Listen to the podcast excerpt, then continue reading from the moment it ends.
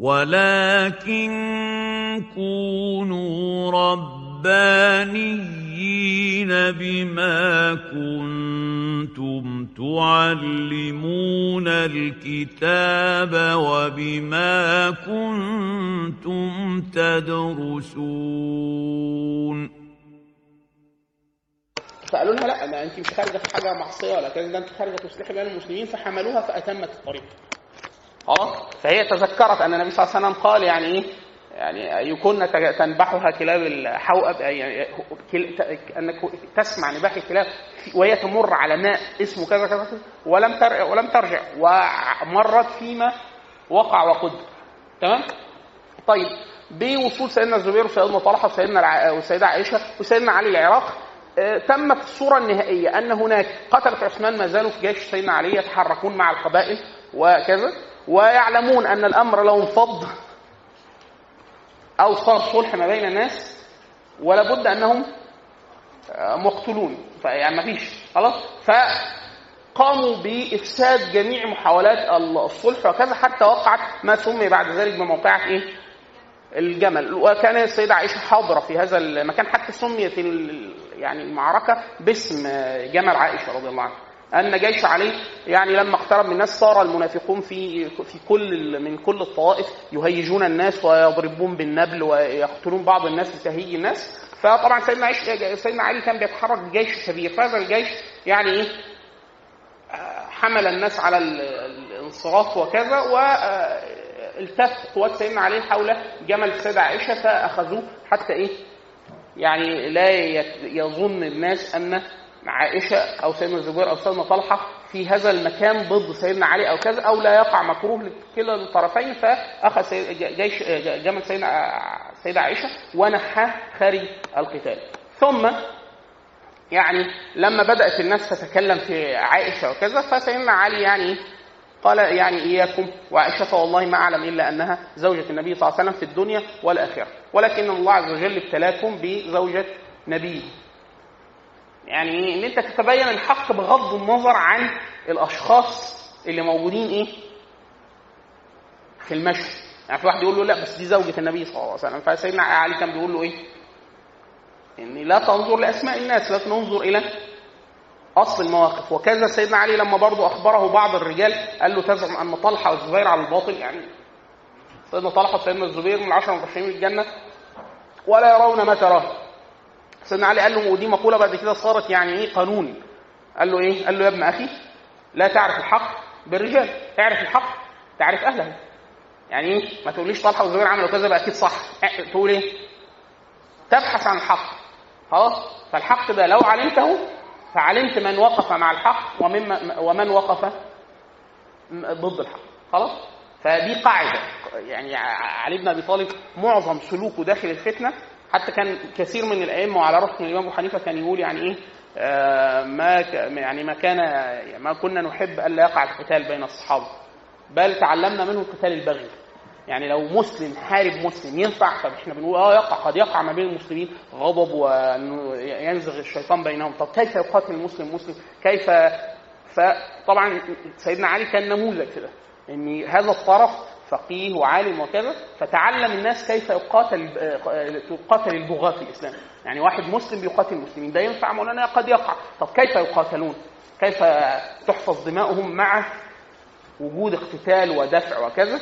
عشان كده سيدنا علي بن أبي طالب هذا الباب يعتبر يعني مرض قتال البغي في الإسلام. كله عائد إلى موقف علي بن أبي طالب في فتنة سواء مع الصحابة أو سواء مع الخوارج بعد ذلك. تمام؟ باحتدام الأمر ما بين المعسكرين وعدم وجود أي طريقة لتسوية الخلاف ما بين معسكر الشام على رأس سيدنا معاوية وقد عزله علي بن أبي طالب عن الشام فلم يرضخ لذلك ولم يبايع وما بين جيش علي جيش علي بن أبي طالب ارتأى علي بن أبي طالب أن يقاتلهم حتى يحملهم حملا على أن يذعنوا بالدخول. فيما دخلت فيه الناس ثم ينظر في أمر قتلة عثمان أو ما يتعلق بهذا الأمر. ثم وقعت الواقعة الشهيرة جدا ما بين العراق والشام اللي هي معركة صفين المشهورة. وقد شارك فيها عدد من الصحابة. إحنا قلنا كل كل اللي شارك من الصحابة تقريبا لا يتجاوز 30 صحابي من في الأمر كله على بعض. لكن هو سبب ان يعني ضخامته طبعا وجود كثير من جدا من التابعين في ال في في, ال في القتال سواء في الجيشين ووجود ثلاثة من عشرة مبشرين بالجنة على الأقل في القتال. سيدنا علي بن أبي طالب سيدنا طلحة بن طلحة بن عبيد بن عبيد الله سيدنا الزبير بن العوام مشاركة عائشة في أول الأمر آه، وأبناء الصحابة الحسن والحسين وعبد الله بن الزبير وسيدنا عبد الله بن عمرو بن العاص وسيدنا عمار بن ياسر. أسماء ضخمة جدا هي التي شارك فده اللي أعطى هذا القتال إيه؟ آه، وهو كان أول قتال يقع ما بين المسلمين. بهذا الحجم بعد النبي صلى الله عليه وسلم. تمام؟ هذه المعركة في غالب أمرها آلت في النهاية إلى آه، ظهور جيش علي بن أبي طالب على آه، جيش الشام ثم يعني وقع أول محذور وهو أن النبي صلى الله عليه وسلم كان قد أخبر عمار بن ياسر رضي الله عنه مباشرة آه، جزء في مناقب عمار بن ياسر أنه دائما إيه؟ أنه مع الحق وهو يلزم الحق دائما وكذا. ده مين؟ سيدنا عمار بن ياسر. سيدنا عمار بن ياسر في هذه الواقع كان وصل حاجة و90 سنة من السن. الأمر الثاني أن النبي صلى الله عليه وسلم أخبر مباشرة. لما النبي صلى الله عليه وسلم أثناء بناء المسجد كان الناس يحملون اللبنة. يعني كل واحد شايل طوبة واحدة يحطها إيه؟ عشان البناء. وكان عمار بن ياسر يحمل لبنتين. فوقع حائط على سيدنا عمار بن ياسر هم أثناء البناء. ف يعني إيه تصايح الناس بأن عمار بن ياسر قد قتل قد مات يعني مات تحت الحائط. فالنبي صلى الله عليه وسلم لما أتاه الصريخ فقال لا ما مات ابن سمية؟ ابن سمية تقتله تقتله الفئة الباغية. أي أن عمار لن يم... لم يعني إخبارا بالغيب. النبي صلى الله عليه وسلم أخبره جبريل عن عن رب العزة أن عمار بن ياسر تقتله الفئة الباغية. يحدث قتال ما بين المسلمين فتكون أحد الفئة الفئات تبغي على الأخرى فتقتله. خلاص؟ فهذا النص كل من حارب من البدريين. كذا واحد من أهل بدر كان حارب مع سيدنا علي كان في جيش علي. وكل الناس اللي كانت في جيش علي من البدريين كانوا يمشون وراء عمار بن ياسر. لدرجة إن الراوي يصف يقول اللي يراهم وراء عمار بن ياسر يفتكر أمه ماشية وراء عيالها.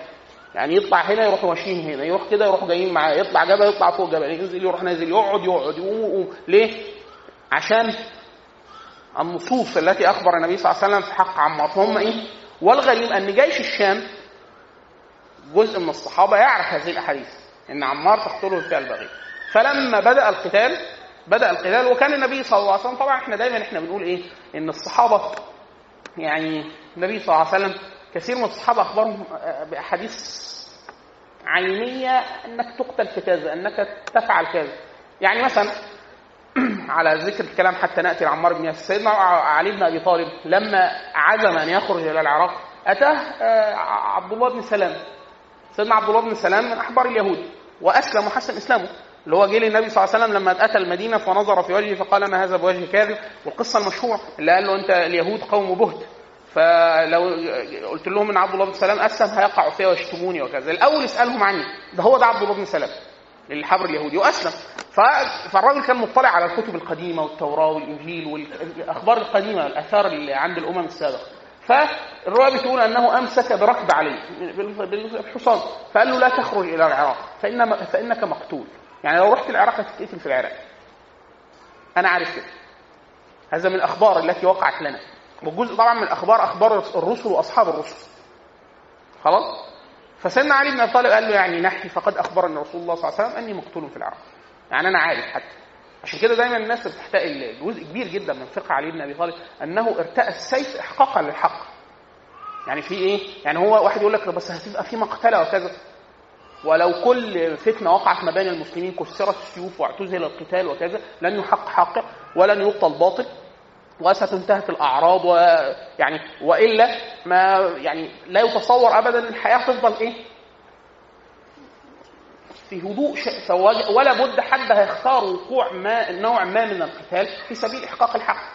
وإلا تصور المسلمين إن هو لن يقع ابدا. يعني المسلم ده مش هيخوض في أي حاجة فيها مشاكل وكذا فده تصور يعني إيه؟ شبه إيه؟ خيالي. فعلي بن طالب قال له قال له لا يعني ما معلش أنا عارف. النبي أنا عارف إن أنا مقتول في العراق بس أنا إيه؟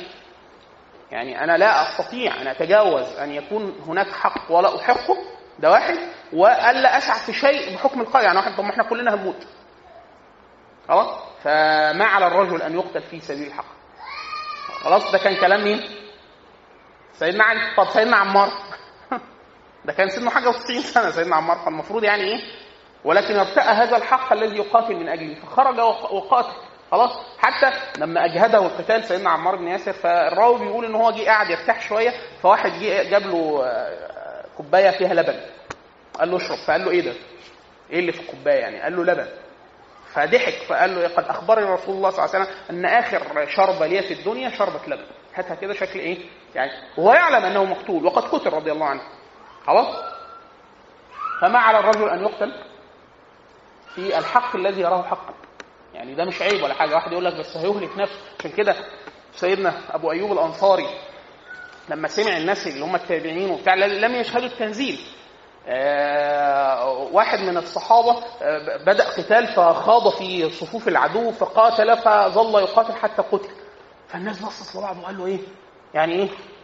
أهلك نفسه. ولا ويقول الله عز وجل في كتابه الكريم إيه؟ ولا تلقوا بأنفسكم إلى التهلكه فسيدنا أبو أيوب قال لهم إيه؟ قال لهم فينا نزلت معشر الأنصار. الآية دي أنتم أنتم بتقولوها غلط خالص يعني مش ده تأويلها مش ده تفسيرها أصلا. ده الصورة دي نزلت فينا إحنا يعني الآية دي نزلت فينا إحنا. الله رب العزة عاتبنا الأنصار إنهم اشتغلوا ببعض التجارة وتركوا الجهاد. فرب العزة قال لهم إياكم أن تلقوا بأنفسكم بالتهلكة اللي هو إيه التهلكة؟ ترك الجهاد والنفقة في غير الجهاد في وقت الجهاد. فقال بقى أنتوا مش فاهمين القرآن خالص. ده ده عكس اللي نزلت فيه. التهلكه ترك القتال مش القتال نفسه. فالراجل ده لا ده عمل المظبوط كده.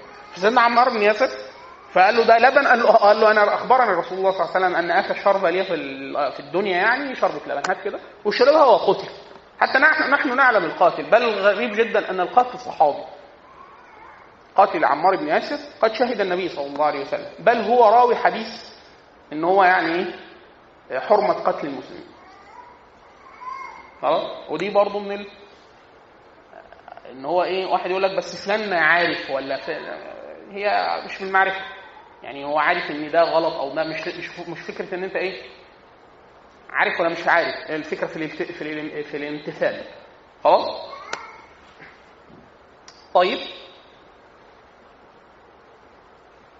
هنا بقى دي من الحاجات المهمة جدا فكرة تأول الأدلة. يعني واحد يقول لك لا ما هو فلان حارب عشان ما يعرفش. لا ممكن يكون عارف وعارف عن وعي تام جدا. يقول لك بس دول طب إيه ده؟ يعني هو عارف وممكن يكون آه يعني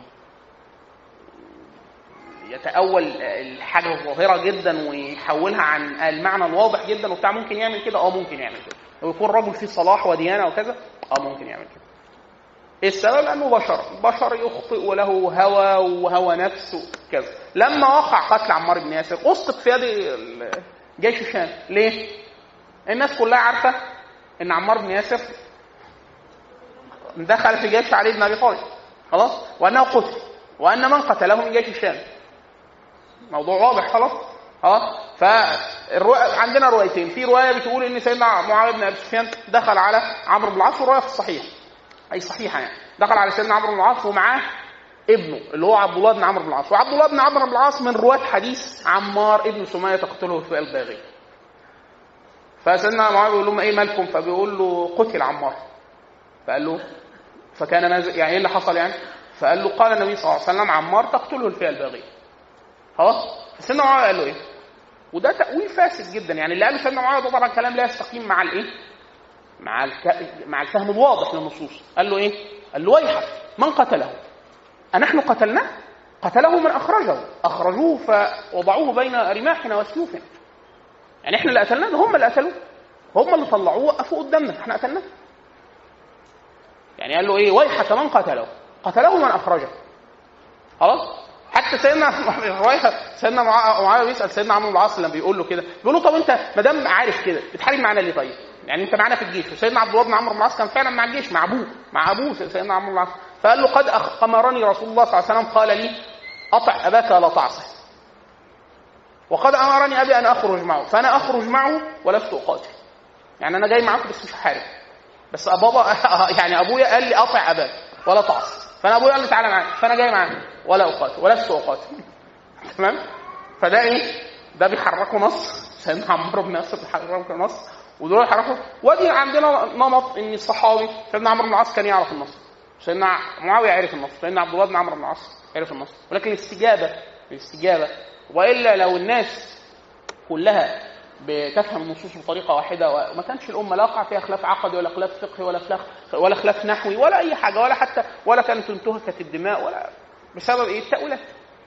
خلاص؟ عشان كده سيدنا علي بن أبي طالب لما بلغه قول معاوية لأنه شاع في الجيش. قالوا يعني نحن قتلناه قتله من أخرجه. هو في حد يجيبه الراجل سنه 90 سنة وقفه في القتال هو اللي قتله. هو اللي جابه هو اللي يعني إيه هو الذي أهلكه. خلاص؟ فسيدنا علي لما قالوا له كده فابتسم. قال يعني إيه؟ النبي قتل حمزة. يعني يعني لو أنا بالمعنى ده هو مين اللي قتل سيدنا حمزة بن المطلب؟ النبي صلى الله عليه وسلم عشان أخرجه في جيشه ولا جيش الكفار. فهو مين اللي مين اللي قتل مين؟ يعني مين اللي مين اللي قتل مين؟ من من قتله؟ من قتله. مش مش محتاجة إيه؟ ولكن جيش الشام استمر. القتال طبعا إحنا في قتال أهل الشام في بعض الملاحظات العجيبة جدا. إن اللي بيحاربوا مسلمين. إن بيحاربوا مسلمين. إن بيحاربوا مسلمين. واحد أن أحد الجيشين. عندما نزل نزل على الماء يعني إيه؟ المية بقت تحت إيده ما الجيش الثاني ما يقدرش يشرب. فبعد ما طالت منهم المدة الجيش الثاني عطشوا. فقالوا لهم يعني إخوانكم في الجيش الثاني عايز يشرب. وده قتال مسلمين. يعني ده مش كفار ولا حاجة. عشان كده قتال البغي. يعني هو قتال البغي عندنا مسلمين. فأذن لهم علي بن أبي طالب. الروايه في رواية بتقول إن جيش الشام هو الذي نزل على الماء أول الأمر.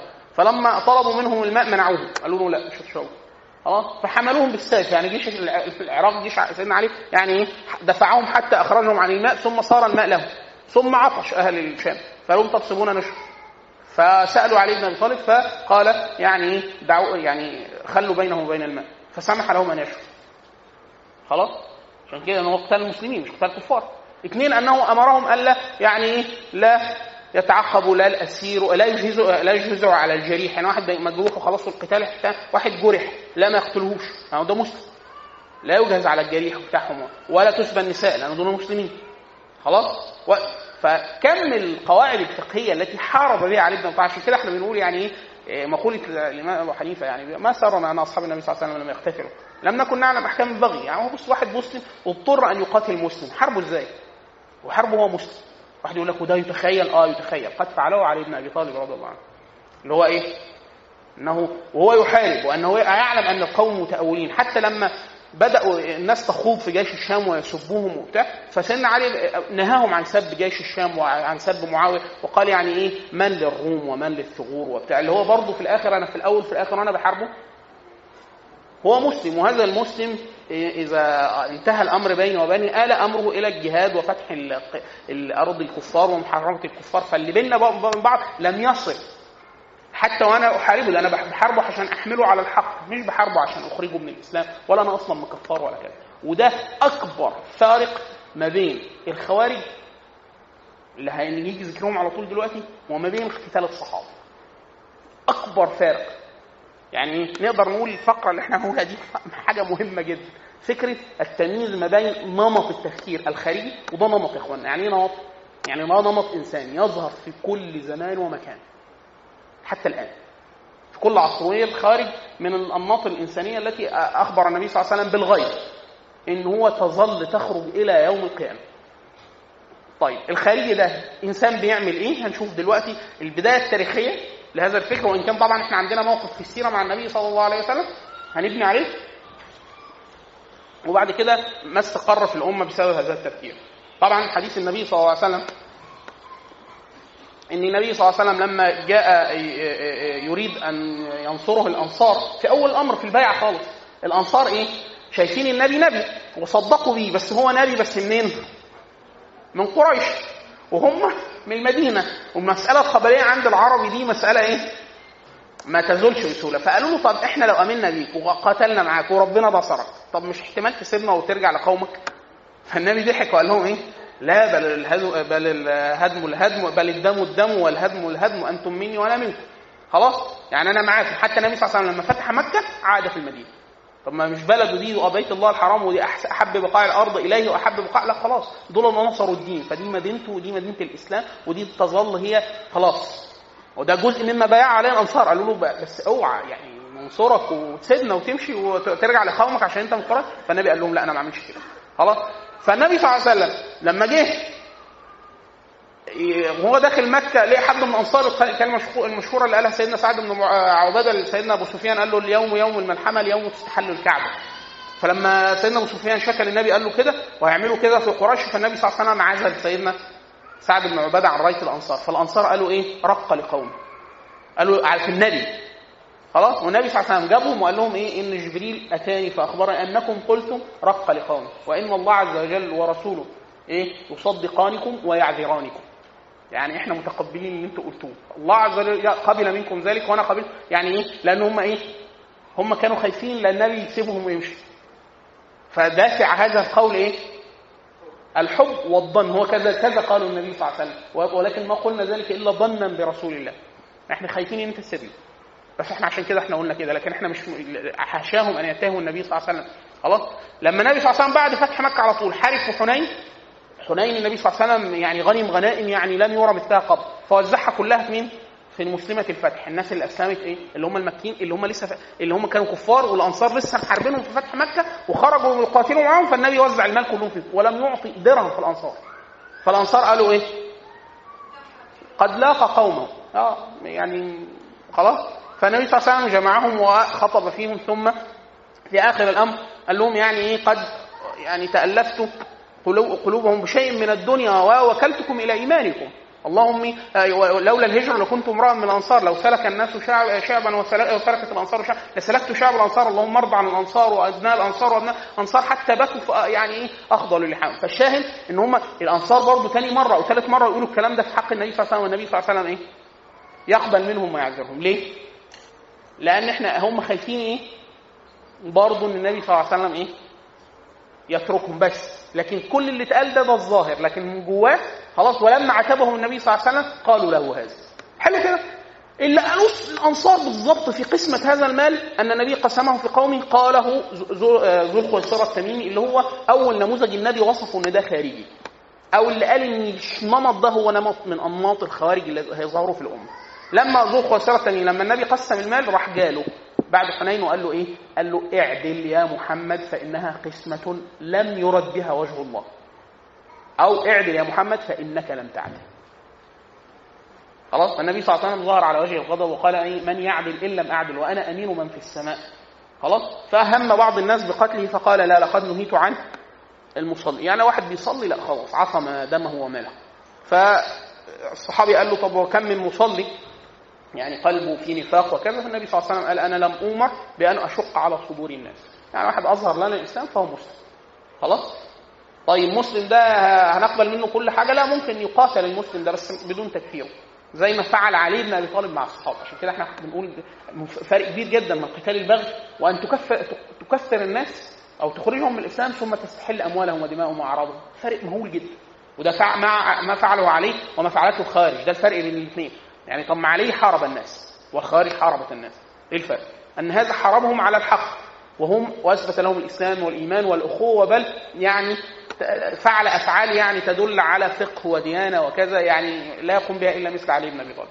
والخوارج استحلت دماء المسلمين كفروهم اولا ثم قاتلوهم على الكفر وده هو ده المحك إن هو ده هو دي, دي الأزمة. تمام؟ فذو الخساره الثاني ده شاف نفس المشهد الأنصار قالوا كلام وهو قال له إيه؟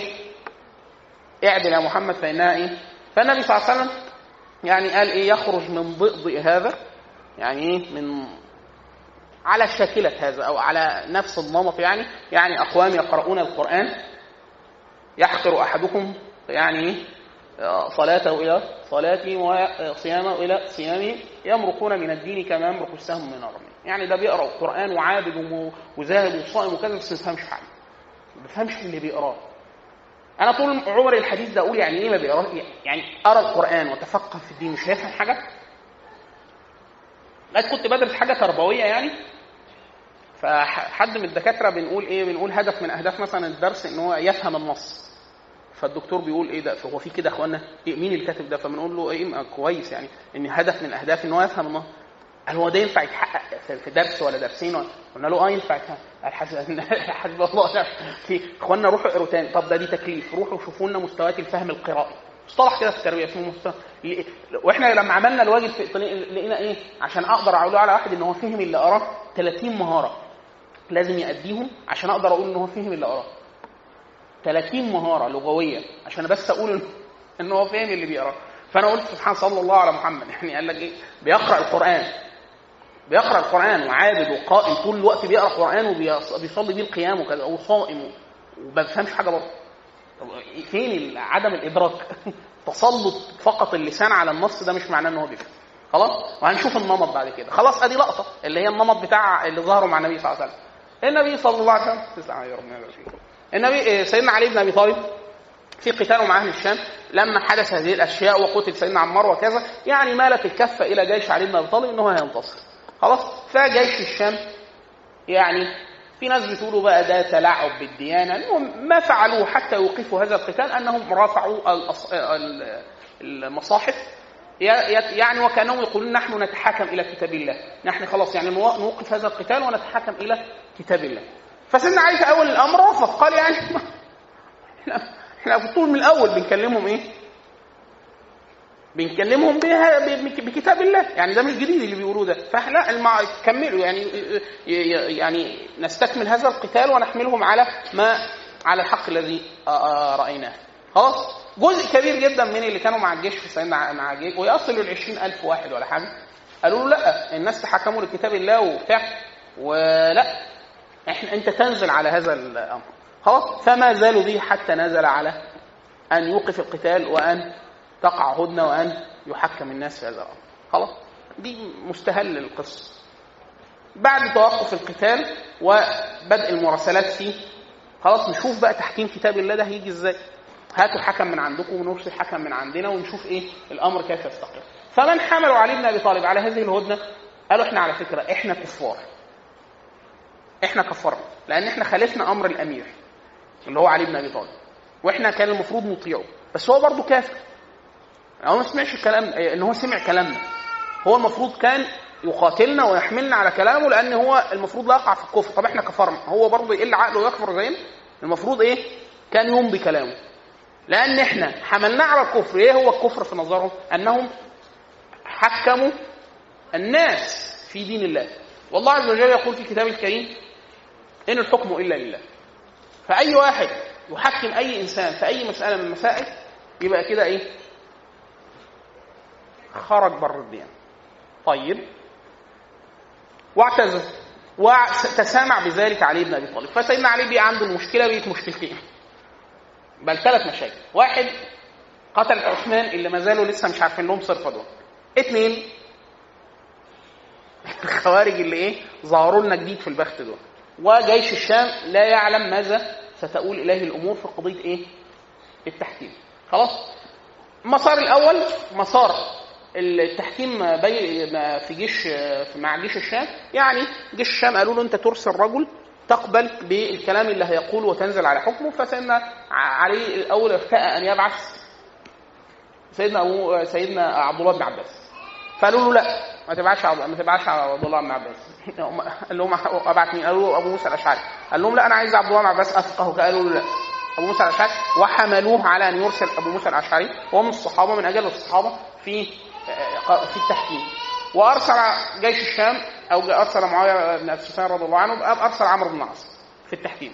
دي ده مسار. المسار الثاني أن جيش جيش جيش الخوارج دول اعتزلوا دول تقريبا عشرين ألف واحد.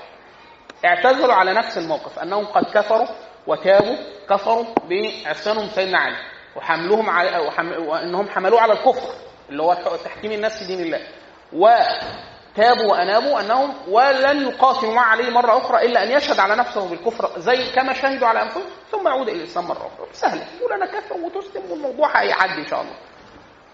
فاخبروا سيدنا علي يعني أتاهم سيدنا علي فكلمهم فقالوا له لا إحنا نقبل منك إن أنت تشهد على نفسك بالكفر. فقال لهم بعد قتالي مع رسول الله صلى الله عليه وسلم وكذا وأشهد على نفسي بالكفر. قال لهم قد ضللت اذا وما أنا من المهتدين. لو أعمل كده ليه؟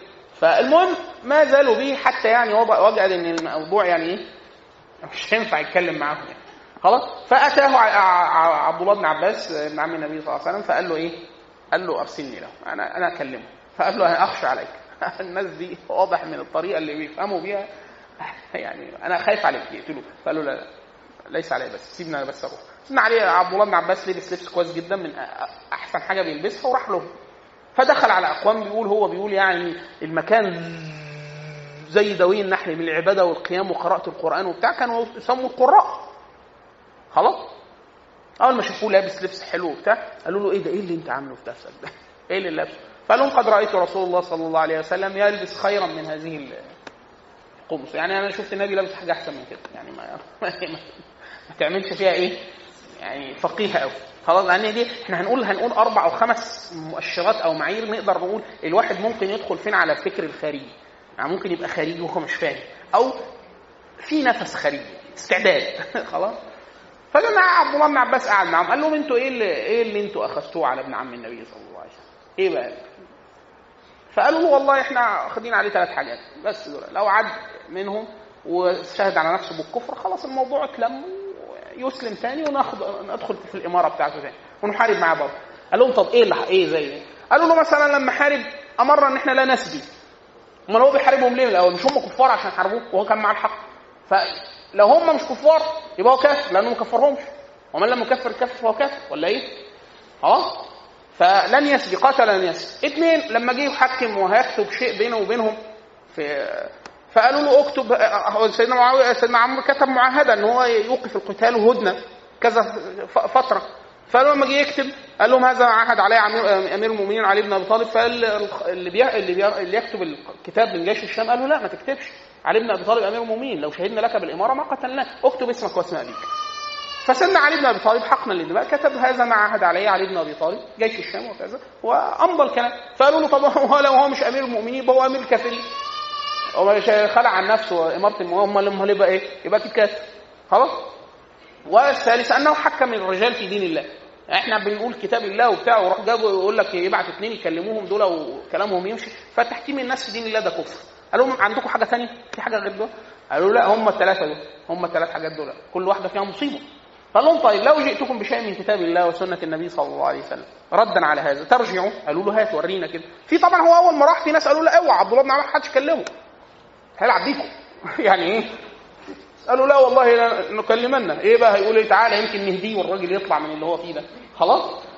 فقال لهم طيب أول واحدة قتلوا لم يسبي سيدنا علي في جزء في القتال كان مثلا جيش الشا... جيش في العراق في موقعة الجمل. فقال لهم فأيكم يسبي عائشة؟ فان قلتم نسبيها كفرت أم المؤمنين. ولو قلتم ليست ليست ليست بأمنا كفرت برضه. يعني أنتوا الاثنين فأنتوا السكة دي كانتوا كفار كده كفار.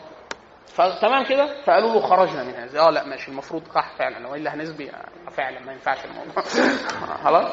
قال لهم خرجنا من هذه خلاص كده ما قال قال لهم يعني إيه؟ ولم يكتب كتب اسمه واسم أبيه. قال النبي صلى الله عليه وسلم في وهو بيكتب صلح الحديبية كان كاتب الصلح سيدنا علي.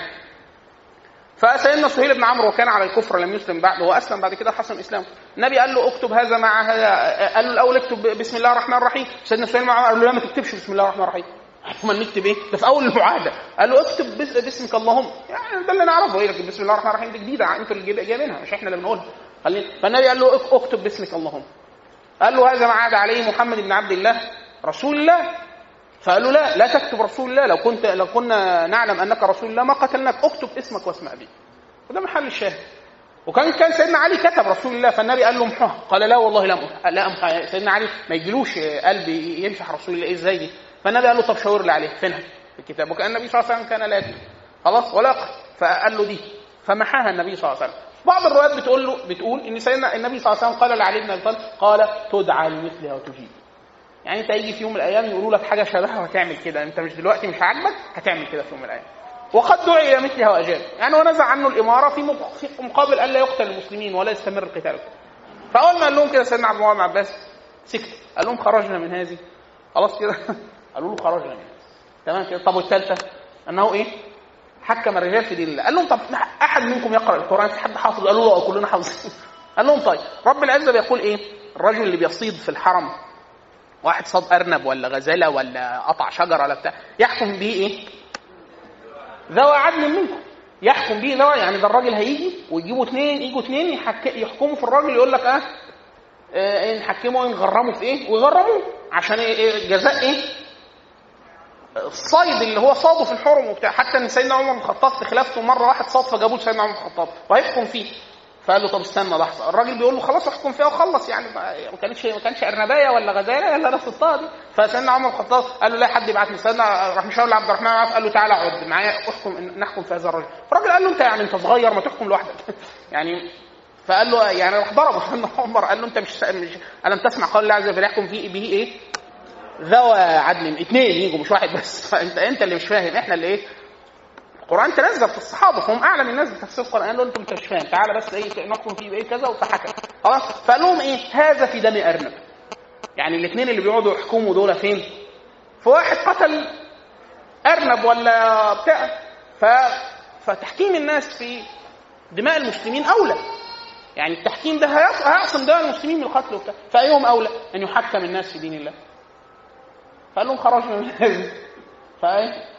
قالوا خرجنا من هذا. فعاد معه كل الجيش. ما عدا 4000 واحد. يعني هو كان اللي خرج 20000 واحد. رجعوا 16000 خلاص؟ اتبقى كام؟ 4000 هنا ال 4000 دول طبعا قتلوا. يعني سيدنا علي حاربهم بعد ذلك وقتلهم وقتل معظمهم يعني حتى افناهم وما زالت تخرج بالخارج حتى يوم القيامة. إيه بقى الفكرة؟ إحنا هنقول أربع أنماط عشان نستكمل الكلام على فضائل علي. إن الخروج كثير من الناس مرتبط عندهم الخروج خروج على الحاكم. يعني الخوارج هم من خرجوا على الحاكم وده مش صحيح. معنى باطل تماما الخروج اللي هو الخروج المذموم على الحاكم في الإسلام هو الخروج على الأمير الحق بغير حق. زي عثمان بن عفان مثلا. فالخروج على أمير الحق بغير حق. بس هو ده الخروج. غير كده لا. وإلا ده هو باغي أصلا أو فاسق. ده واحد. اثنين أن كثير من التابعين وهم أجل الأمة بعد الصحابة وكذا كانوا يرون عكس هذه المقولة تماما. يعني مش فكرة ان الناس تخرج على الحاكم. ده الحاكم يخرج على الأمة. هو خارجي ده بيخرج على الأمة بالسيف. بيكثرهم وكذا. فمرة واحد بيسأل واحد من التابعين اللي ادركوا الحجاج بن يوسف في العراق بيقول له إيه؟ إيه حكم الصلاة المبتدعة؟ واحد مبتدع. أصلي وراه قال له صل. قال له صلي وراه قال له آه صلينا دهرا وراء الحروري الأزرقي. كلمة حروري دول بالنسبة للبلد اللي لما اعتزلوا جيش سيدنا علي نزلوا على بلد اسمها حروراء الخوارج دول. فسميوا دائما بعد كده إيه؟ نسبة لهذه البلد. فيقول لك حروري يعني إيه؟ خارجي. أو أزرقي اللي هو إيه نسبة لنافع بن الأزرق وده من الخارج الأوائل. وكان لي فرقة باسمه يعني من يقول برأي نافع بن الأزرق اسمهم الايه الأزارقة. وقتلهم يعني وقعوا في إيد واحد برضه ما بيفهمش زيهم الحجاج بن يوسف فأفناه. خلاص؟ فالشاهد فبيقول له صلينا دهرا وراء الحروري الازرقي فقال له لم يعلو حروريين أزرقين على العراق. العراق محكم الأزارقة لم تحكم العراق ابدا. الأزارقة حكموا مناطق ثانية بس ما حكموش العراق. فقال له لا صلينا وراء الحجاج. إحنا صلينا سنة وراء الحجاج ولا سنتين ولا ثلاثة ظهر فقال له الحجاج لم يكن حروريين ازرقي ده الحجاج هو اللي حارب الخوارج الأزارقة. فقال له لا كل من قال أنا مسلم ومن خالفني كافر فهو حروري أزرقي. وده ضابط كل من كفر المسلمين وقال أنا مسلم ومن خالفني أو فعل وكذا كذا كافر فإيه؟ فهو حروري ازرقي عشان كده علي بن أبي طالب رضي الله عنه لما قتل الناس ما قتل الخارج جاء حد سأله قال له إحنا بنحاربهم دول كفار. عشان بنحاربهم. قال لا من الكفر فر قال له إذا فاسقين أكيد فاسقين ما دام بنحاربهم. فقال له آه، قال له آه قال له آه، قال له لا يبقوا منافقين. فقال له لا المنافق لا يذكر الله إلا قليل ودول بيذكروا وبيصلوا وبتاع قال له طب فمن هم؟ يعني لا خارجي ولا لا كافر ولا منافق هم ليه؟ قال له إخواننا بالأمس بغوا علينا اليوم. يعني هو أثبت لهم الأخوة كما اثبتها الله عز وجل في كتابه وإن طائفتان خلاص طائفة وبغت وكذا ومؤمنة وينفع تحاربوا على كده أيضا وده بس مسلم هو رب العزة إيه الكلام ده في القرآن ليه؟ زي ما أقول لك إيه آه، سيدنا أبو ذر لما لما النبي قال آه، من قال لا إله إلا الله دخل الجنة وإن زنى وإن سرق فسيدنا إيه؟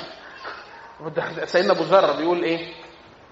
وإن زنى وإن سرق ينفع ده؟ يعني هو مسلم وكمان يزني ويسرق طب أمال أحكام الزنا والسرقة نازلة فين؟ مش في القرآن. عشان مين اللي هيعملها؟ واحد مسلم. ف يعني فيتصور ده. حتى النبي صلى الله عليه وسلم قال له إيه؟ وإن زنى وإن سرق فقال له وإن زنى وإن سرق يا رسول الله. فقال له وإن زنى وإن سرق. قال له وإن زنى وإن سرق قال له إن زنى وإن سرق رغم انف أبا ذر. غصب عنك اخش الجنه ليه؟ لأن الجنة دي مش بتاعتك أنت دي واحد اثنين. ان الله عز وجل رحيم يغفر المعاصي وكذا. عشان كده حديث النبي صلى الله عليه وسلم؟ من قال لا إله إلا الله مخلصا من قلبه دخل الجنة يصيبه قبل ذلك ما يصيبه. وده الفارق المهول بين جمهور الأمة وبين الخوارج أن من قال لا إله إلا الله مخلصا من قلبه دخل الجنة تصيبه قبل ذلك ما يصيبه. تفسير أهل التفسير لقول الله عز وجل ربما يود الذين كفروا لو كانوا مسلمين. متى يتمنى الكفار أن يكونوا مسلمين؟ التفسير بيقول إيه؟ أن الكفار إذا قامت القيامة وأدخل الله عز وجل أهل الجنة الجنة وأدخل أهل النار النار.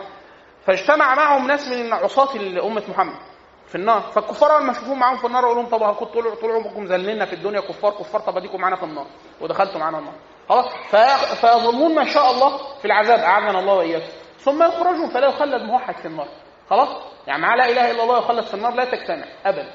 خلاص؟ فيخرجون من النار. فلما يطول الكفار لما يشوفوا المسلمين أهو قعدوا قدر ما وخرجوا من عذاب الله عز وجل. خلاص؟ فايه ربما يود الذين كفروا وكان هنا يتمنى الكافر أنه كان مسلم. ليه؟ لأنه أو عذب يعني أصابه بعض عذاب الله عز وجل أعاذنا الله اياكم ولكن إيه؟ في الآخر لم يخلد في العذاب. وده الفارق بين أهل السنة في جمهور أهل السنة في العموم وبين الخوارج. واحد. فاحنا عندنا واحد إن الكلام التبعي ده كلام مستقيم جدا. من قال أنا مسلم ومن خالفني كافر فهو إيه؟ حروري أزرقي. واحد.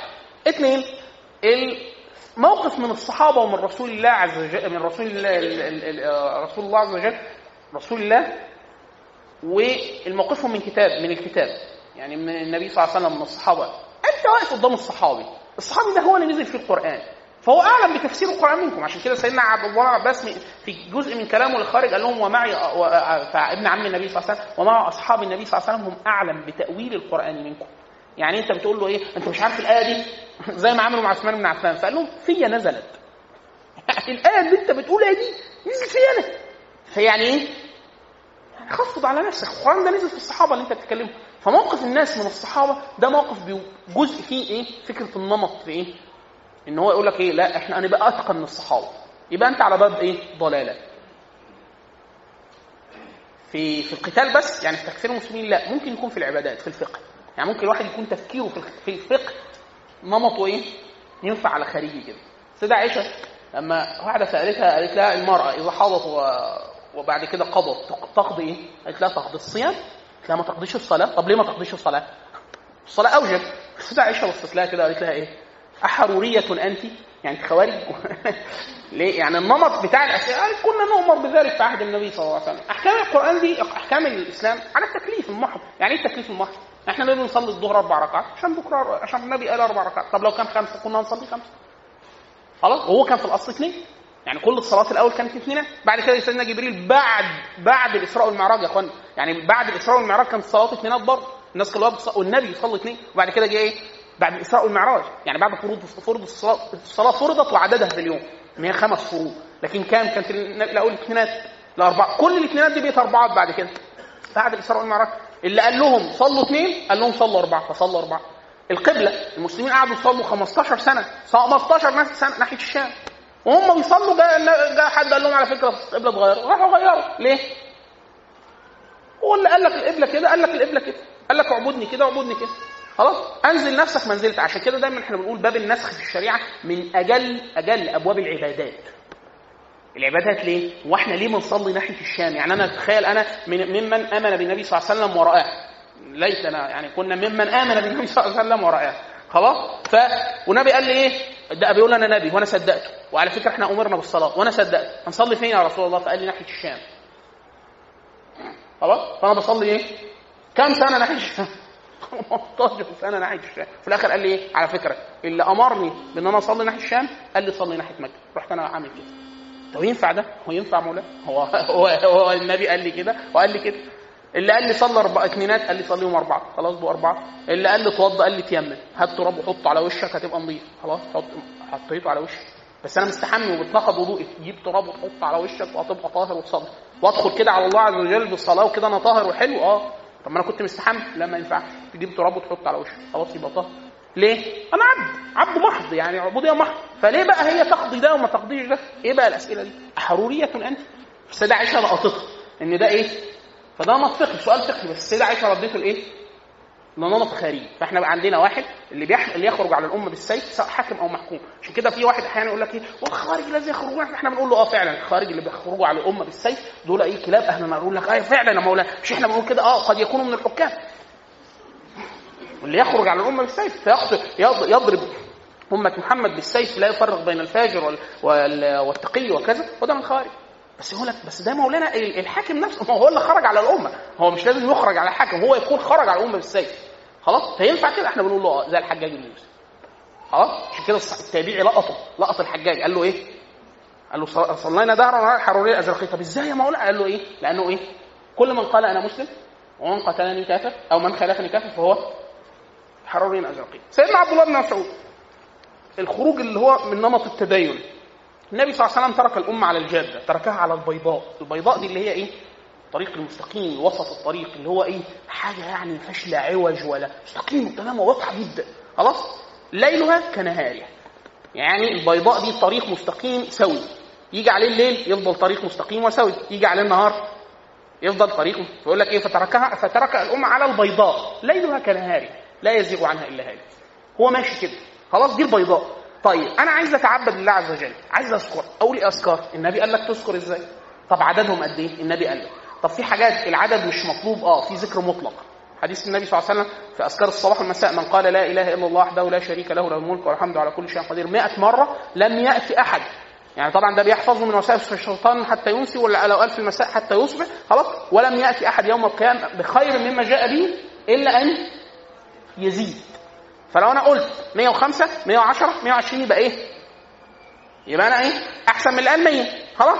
طيب لو أنا قلت 500000 أقول له والله الرقم مبالغ فيه. ليه؟ لأنه بقية اليوم النبي نص على أذكار معينة. واحد يقول لك طب أنا هقعد. مقدار الذكر في اليوم قد إيه؟ لو حسبته أذكار الصباح وأذكار المساء وأذكار بعد كل صلاة وأذكار الأكل والشرب والنوم يعني مقدار الأذكار في اليوم. لو جمعناهم وقلناهم كلهم لوكشة واحدة كده يطلعوا ساعة. اللي هم إيه؟ بقيام الليل بالنوم بالشرب بلبس الهدوم بقلعها بدخول الحمام بخروجه بأكل كل حاجة. خلاص؟ ما طلعوش ساعة فعلا. خلاص؟ فالراجل لما جه للنبي صلى الله عليه وسلم قال له يا رسول الله كم أجعل لك من صلاتي؟ صلاه اللي هو الدعاء.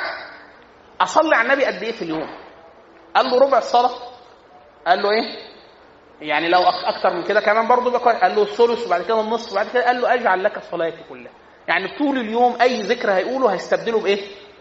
بالصلاه على النبي صلى الله عليه وسلم إحنا عارفين مقدار الذكر لأن النبي صلى الله عليه وسلم خير الذاكرين وأكثر اللاهجين بذكر ربه وإحنا عارفين ذكر النبي في اليوم قد إيه؟ النبي كان بيستغفر المجلس سبعين مرة. خلاص إحنا عارفين كده إن ده ده مقدار ذكر النبي صلى الله عليه وسلم. واحد يقول لك إيه؟ لا بس ده النبي. يعني إيه؟ النبي يعني مغفور لي أنا أزيد. النبي قال لما حد كده قال له كده في حياته قال له إيه؟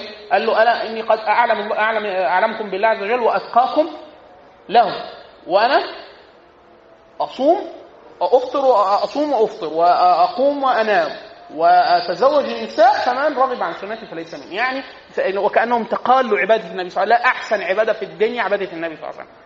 بهذا القدر. عشان كده سيدنا عبد الله بن عمرو بن العاص لما جه للنبي صلى الله عليه وسلم مراته اشتكته لأبوه. قالت له ده مش متجوز وما فيش منه رجا ليه؟ ده بيصوم طول الوقت. طب هو متجوز ليه؟ فقالت له لا. فلما راح للنبي صلى الله عليه وسلم قال له لا أنت ما ينفعش الصيام ده. صيام واحد متجوز. خلاص؟ فقال له لا طب أعمل إيه؟ قال له صوم رمضان. قال له لا أقدر على أكتر من كده. قال له خلاص صوم ثلاثة كل شهر. قال له لا أقدر على قال له صوم اثنين وخميس. أقدر من ذلك قال له يوم ويوم وده صيام داوود وده خير الصيام.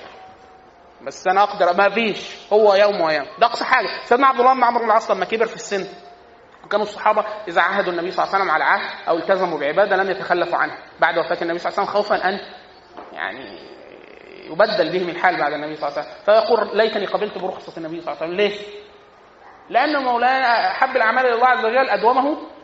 ولو قال أدومه يعني إيه؟ تفضل تعمره طول حياتك. تفضل طول حياتك تقدر تصوم يوم ويوم. ممكن يضعف بصره وجسمه وكذا فكان النبي صلى الله عليه وسلم السيدة عائشة تقول إيه؟ كان يصوم حتى نقول لا يفطر وكان يفطر. حتى نقول لا يصوم. وكان النبي صلى الله عليه وسلم يقوم الليل لعدل وإن نام عن القيام صلى اثنتي عشر ركعة في النهار. يعني خليك مع النبي صلى الله عليه وسلم. فدي حالة كده. النبي صلى الله عليه وسلم ساب الأمة على هذه الحالة. في الذكر والعبادة والهيئات. سيدنا أبو موسى الأشعري أحد الأيام دخل على سيدنا عبد الله بن مسعود وكان من أعلم الصحابة في تفسير القرآن والسنة وهدي النبي صلى الله عليه وسلم. قال له أنت رحت المسجد؟ قال لي سيدنا عبد الله مسعود قال له رحت المسجد؟ قال له لا. قال له يعني قال له ليه في حاجة في المسجد؟ قال له يعني أنا لسه جاي من المسجد فرأيت أمرا يعني آه أنكرته. حاجة استغربتها. ولم أرى إلا خيرا. يعني أنا شفت حاجة غريبة بس إيه حاجة كويسة. قال له هي إيه؟ قال له إن طال بك عمر التراخي. أنت لو دقيقتين وصلت الجامعة تعرف سيدنا عبد الله مسعود راح مع المسجد كان وقت الصلاة. فدخل فاذا الناس حلق. موجودين إيه؟ حلق في المسجد. وواحد قاعد وسط الحلق وكل الناس واخده حصى كان المسجد في الوقت ده حصى مسجد النبي صلى الله عليه وسلم. وماسكين الحصى ويقول لهم إيه؟ كبروا الله 100 فيقعدوا يكبروا احمدوا الله 100 فاحمد. سبحوا الله 100 شغالين بهذه الطريقة. طوف لهم في نص الحلق سيدنا عبد الله مسعود. قال لهم إيه؟ قال لهم والله لقد قال لهم إيه؟ أنا عبد الله بن مسعود صاحب رسول الله صلى الله عليه وسلم. والله لقد جئتم ببدعة ظلما ولقد فقتم أصحاب محمد علما. اللي أنتم بتعملوه ده ليس على هدي النبي صلى الله عليه وسلم. خلاص؟ في ناس بتقول الهيئة التحلق وفي ناس بتقول الحلق التحلق والعد في كذا حاجة لكن عبد الله مسعود أدرك حاجات كده مش طبيعية في اللي بيعملوه. ده ده إحنا ما بنعملش كده. اللي هم الصحابه ها؟ فواحد قال له إيه؟ قال له ما, ما أردنا إلا الخير يا أبا عبد الرحمن. فقال له إيه؟ قال له وكم من مريد للحق من للخير لا يدركه. مش كل واحد يقول لك لا بس أنا نيتي سليمة. لا يقبل من عمل إلا أخلصه وأصوبه. أخلصه يعني نيتك سليمة. وأصوبه أي على هدي النبي صلى الله عليه وسلم. طب نيتك سليمة ومش على هدي النبي صلى الله عليه وسلم هيرد في وجهه. طب واحد يقول لك إيه؟ خلاص نشوف النبي كان بيعمل إيه ونعمله بالظبط. قد يرد قد يرد. ليه؟ لأنه كده هو إيه؟ صواب. بس إيه؟ قد يكون غير خالص في وجه الله عز وجل. أول من تسعر بهم النار ثلاثة. شهيد ومتصدق وعالم. الثلاثة دول عملوا هيئة العمل الصواب اللي هو هدي النبي صلى الله عليه وسلم. فده جاهز زي ما النبي جاهز. وحفظ القرآن وعلمه الناس زي إيه؟ ما النبي أمر. وبتاع. طب أمال فين؟ من أين أوتي هذا الرجل؟ من قبل إيه؟ خلاص. فكلام الفضيل بن عياض من أئمة المسلمين يقول لا يقبل من عمل إلا اصوبه وأخلصه. اصوبه أخلصه يعني خالص وجه الله تعالى. واصوبه يعني على هدي محمد صلى الله عليه وسلم. فإحنا عندنا كده لو إحنا جمعنا اللي إحنا قلناه كله في نمط الخوارج عندنا نمط في التعامل مع النبي صلى الله عليه وسلم. الراجل قال له إيه؟ اعدل يا محمد فإنها قسمة الله ده نمط خارجي. موقفه من النبي صلى الله عليه وسلم. بقول لك لما أقول لك إن دي عبادة النبي صلى الله عليه وسلم تخضع. يعني هو دي ما تزيدش عن كده. خلاص. وفعل النبي صلى الله عليه وسلم تخضع. يعني إيه؟ تقوليش أصل النبي عمل كده. فإيه؟ موقفه من من من النبي صلى الله عليه وسلم موقفه من الكتاب. التجرع على الكتاب وفيهم الصحابة. خلاص. نمط العبادات الخروج عن العبادات ولو بالزيادة. مولانا هدي النبي صلى الله عليه وسلم كيت وكيت ما تزيدش ما تزيدش الامام أحمد بن حنبل روي عنه. إحنا جايين على رمضان وهنتهري. قال له الرجل القارئ صلي بيهم تراويح ولا بتاع. فيطيل في الوتر في في قنوت الوتر عن المأثور. طبعا إحنا عندنا أدعية مأثورة عن النبي صلى الله عليه وسلم. النبي دعا والنبي كان أفصح العرب وأبلغ العرب وكان يعرف كيف يناجي ربه. خلاص؟ وقال ما فيش دعاء للنبي صلى الله عليه وسلم يتجاوز سطر ولا سطرين تقعد تدعي بقى هم ثلاث سطور مفيش سطرين مفيش أكتر من كده. وده خير الدنيا والآخرة هذا ما دعا به النبي صلى الله عليه وسلم. سيدة عائشة أحب الناس إلى النبي صلى الله عليه وسلم. من أحب الناس إليك يا رسول الله؟ قال عائش وزوجة النبي في الدنيا الاخيره قالت له قالت له يا رسول الله يعني أنا لو إيه؟ لو لقيت ليله القدر وخلاص متأكدة ان أعمل إيه؟ هنقول بقى عبادات وها. قال لها قولي. اللهم إنك عفو تحب العفو. فاعف عنك بس كده. آه ما هو لو عفى عنك. خلاص. خلاص. يعني اللهم ارضى عنا يا كريم. لو رضي عنك. في أجل يا مولانا من الرضا؟ مفيش. النبي رب العزة في الحديث القدسي الناس لما تخش الجنة ورب العزة يقول لهم يعني عايزين حاجة أزيد من كده فيقولوا له في أزيد من كده؟ أدخلتنا الجنة وانجتنا من النار. فيقول آه, آه في أكثر من كده. إيه يا مولانا أعلى نعيم الجنة على الإطلاق. اللي هو إيه؟ أن أرضى عنكم أرضى عنكم فلا أسخط عنكم أبدا. الدخول في رضا في رضوان الله عز وجل. فالرضا أو العفو بتاع إن الله عز وجل يرضى عنك ويعفو عنك خلاص. فارضى عنك خلاص. عفى عنك خلاص. فأنت إيه؟ اللهم تقبل صلاتنا. وركوعنا. هو تقبل الصلاة؟ أكيد مش هياخدها إرباع. الصلاة والركوع والقراءة كله. اللهم تقبل أعمالنا الصالحة. حلو. وقراءتنا القرآن وقيامه. أنت واحد بيتجوز وعايز يعدد حسناته فبيقول وأنا بصوم على فكرة وعامل عمرة. إيه ده؟ ده من التعدي في الدعاء. حديث النبي صلى الله عليه وسلم سيكونن لا يكونن من أمتي من يتعدون في الدعاء والطهور. خلاص؟ فالإمام أحمد ساله واحد واحد قال له إيه؟ قال له الرجل يعني يطيل في القنوت عن المأثور. قال له لو زاد حرف عن المأثور اخرج اطلع من الصلاة عشان يكمل لوحده. هو بقى إيه؟ عيش أنت في أنا بيجي لي كرام بقى أحيانا. الراجل رافع إيديه طب يا عم أنت لياقتك ممتازة. أنا جالي غضروف من اللي أنت بتدعيه ده. اللي هو أنا في الآخر ببقى عايز إيه؟ يا رب. انت ادرى بقى شيله يعني حاجة تاخده وإحنا واقفين. هو كده خارج عن السنة خارج عن المألوف وده مش الدعاء اللي بيتقرب به الله عز وجل. النبي صلى الله عليه وسلم كان فصيحا بليغا. خلاص؟ فتنجز. واحد يقول لك أنا مش من فصاحة النبي. احفظ الدعاء. أرجوك احفظ الدعاء. أنا في كتاب كتاب جيد جدا. يعني اسمه عودوا إلى خير الهدي. رسالة لطيفة كده. كان عاملها الشيخ محمد إسماعيل المقدم اسمها عودوا إلى خير الهدي. رسالة لطيفة جدا. وخاصة عشان إحنا جايين على إيه؟ على رمضان. ورساله لطيفة جدا. كان عاملها الشيخ بكر ابو زيد الله يرحمه. اسمها بدع القراء قديما وحديثا. فيها القراء بقى والقنوت والوتر وقرايه القرآن وتقديم حسن الصوت وتقديم اللي بيتغنى بالقرآن قراءة الأغاني وقراءة الألحان الف... أهل الفسق. كما أخبر النبي صلى الله عليه وسلم في آخر الزمان أن الناس تقدم الرجل اللي يغنيه كما يغنى يعني ألحان أهل الفسق. كل ده إحنا اللي هو إحنا إيه؟ مش داخلين على الموسم. الموسم بتاع اللي هو إيه؟ قرآن يقرأ ليس على ألحان أهل الفسق ويقرأ قراءة عربية فصيحة جيدة ما فيهاش خنوصة ولا تصنع في الكلام وبتاع. يعني أحس إن اللي بيقرأ ده راجل. الستات ما بيتأمش يعني إحنا أكيد مش هنسمع قراءة ست ولا بتأم بالرجال. فأكيد راجل. أنا لازم اتبين إن هو راجل. وبيقرأ قراءة قرآن. ومش على ألحان أهل الفسق. يعني هو مش كان مغني ربنا تاب عليه فنقل. عمل سويتش فخد الأغاني معاه وجابها على القرآن وده منهي وفيه نصوص كتيرة جدا. فالكتابين دول بيظبطوا قوي الموضوع ده وكلهم ميزتهم إن هم إيه؟ خلاص لا حد بقى متخصص بيقرا قرآن ولا أحكام تجويد ولا إيه؟ بدع القراء قديما وحديثا بتاع الشيخ بكر أبو زيد. والكتاب اللي مقدم له الشيخ أيمن رشدي أيمن رشدي من أعلى أسانيد أهل الأرض في القرآن. راجل معاه القراءات العشرة ويعني خلاص اللي هو إيه؟ حرمة قراءة القرآن بالمقامات. كان مؤلف مقدم كتاب بالمعنى ده اللي هو إيه؟ بلاش حك كفوا عن العدل. خلاص؟ شوفي شوفي شوفي يا فاطمة. يعني إيه؟ يا فاطمة. لا يستدل في دين الله بالكثره قال له يا ابن أخي لا تعرف الحق بالرجال. اعرف الحق تعرف بس. خلاص؟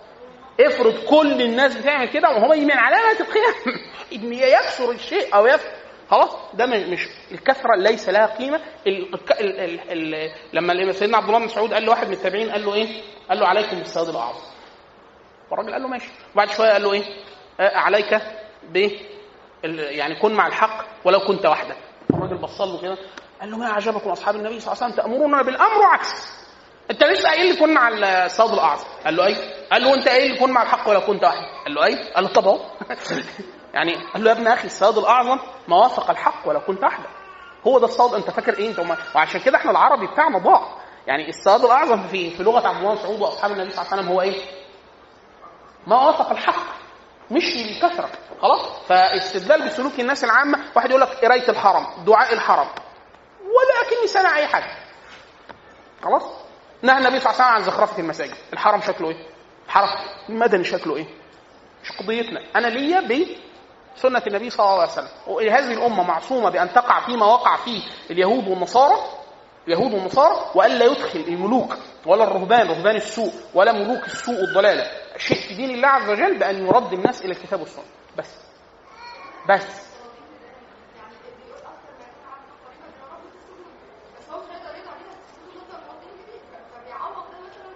تقري الثلاث كتب وتقابليني في درس التاريخ أشوف فهمت إيه. تمام؟ تقري الثلاثة الثلاثة عشان تفهم هي الفكرة إن إخواننا إيه لا جديد في الإسلام. سيدة عائشة لو كانت موجودة. عاشت وهي عاشت بعد النبي. غيرت حاجة؟ لو لقيت ليلة القدر كانت هتقول إيه؟ اما يعني. اللهم إنك عفو تحب العفو. في أكتر من كده؟ إيه بقى الجديد؟ إيه الجديد اللي في الإسلام إيه الشابتر الجديد؟ يعني فين المزيد؟ مفيش. هو الإسلام النبي اليوم اكملت عليكم نعمتي وايه اكملت لكم يعني أتممت عليكم نعمتي ورضيت لكم الإسلام. الدين تام كامل والنعم قد كملت. مفيش زيادة.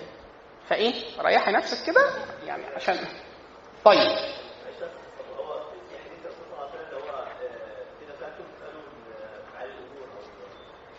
هو سأل النبي صلى الله عليه وسلم بمعاني الأمور سأل. بلغنا؟ بلغنا عارفين النص. عارفين. يعني واحد يقول لك بس أنا ما أقدرش أقول اللي النبي قاله. يبقى إيه؟ تختصر وتنجز. الراجل اللي جه للنبي صلى الله عليه وسلم قال له يا رسول الله أنا لا أجيب دندنتك ولا دندنة معاذ الاعرابي سمع النبي بيقول اللي هو إيه؟ اللي هو المختصر اللي وصل لنا ده. اللي هو الدعاء بتاع النبي اللي هو السطر والسطرين ده. فإيه؟ قال له أنا لا أجيب دندنتك ولا دندنتك الكلام ده كتير أنا ما بعرفش أحفظه. فالنبي قال له طب أنت عايز إيه؟ أنت بتدعي بإيه؟ قال له أسأل الله عز وجل. الجنة واستعيذ منه؟ أستعيذ به من النار. قال له حولها ندندن يعني برضه تقول إيه يا مولانا؟ اللهم ادخلني الجنة. وأخرجني بس. لأنه لو أدخلك الجنة رضي عنك ولو أعزك أعزم الله اياك من النار خلاص. في حاجة ثانية واحد عايز طب أنا عايز أسأل أمر من أمور الدنيا. اسأل الله عز وجل. يا رب عايز شوية ملح. ينفع؟ ينفع. الصحابة كانوا بيسألوا كل شيء. أنا عايز أشتري جزمة جديدة. يا رب من عليا بكوتش جديد. ينفع؟ ينفع. بس الدعاء إيه؟ مختصر يعني في الآخر هو إيه؟ مختصر الصحابي اللي سمع ابنه بيقول اللهم أني أسألك القصر الأبيض من يمين الجنة. فأبوه بعد ما خلص صلاة قال يا بني قد سمعت رسول الله صلى الله عليه وسلم أنه يكون في الأمة من يتعدى في الدعاء والطهور. فيعني احذرك أن تكون منهم. تدعي؟ تدعي بإيه؟ بادم مع الله عز وجل. عشان كده إحنا بنسموه الدعاء بالمحال اللهم أهلك جميع الكفار على وجه الأرض. مش هيحصل وده تعدى في الدعاء. هم قاعدين في أرابيزك هتقوم القيامة عليهم. خلاص؟ اللهم اهلك جميع اليهود قاعدين لك بالنص القرآني قاعدين خلاص؟ يعني مش هياخدهم كلهم؟ شوف انت بقى. لا لا أنا لما جبنا فكرة النمط في التدين إن النمط يعني واحد يقول لك إيه؟ إن الخارج دول لما بيعملوا واحد اثنين ثلاثة أربعة. طب سيدنا عبد الله مسعود لقطهم فين؟ في الأذكار. لقطهم في الأذكار والعبادات وبتاع. قال لهم ده إيه؟ تتمة الرواية؟ ما إحنا برضه ما قلناش إيه علاقتهم بالخارج. إن الراوي اللي روى الرواية دي قال إيه؟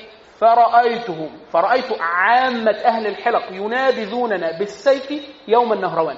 خارج لما خرجت علي ابن طالب وأرسل لهم عبد الله بن عباس يناظرهم فعادت جميع الخارج إلا ال 4000 دول. فعزم علي ابن أبي طالب قال إيه؟ قالوا له نقاتلهم؟ قال لهم لا. ما دام حتى يستحلوا الدماء.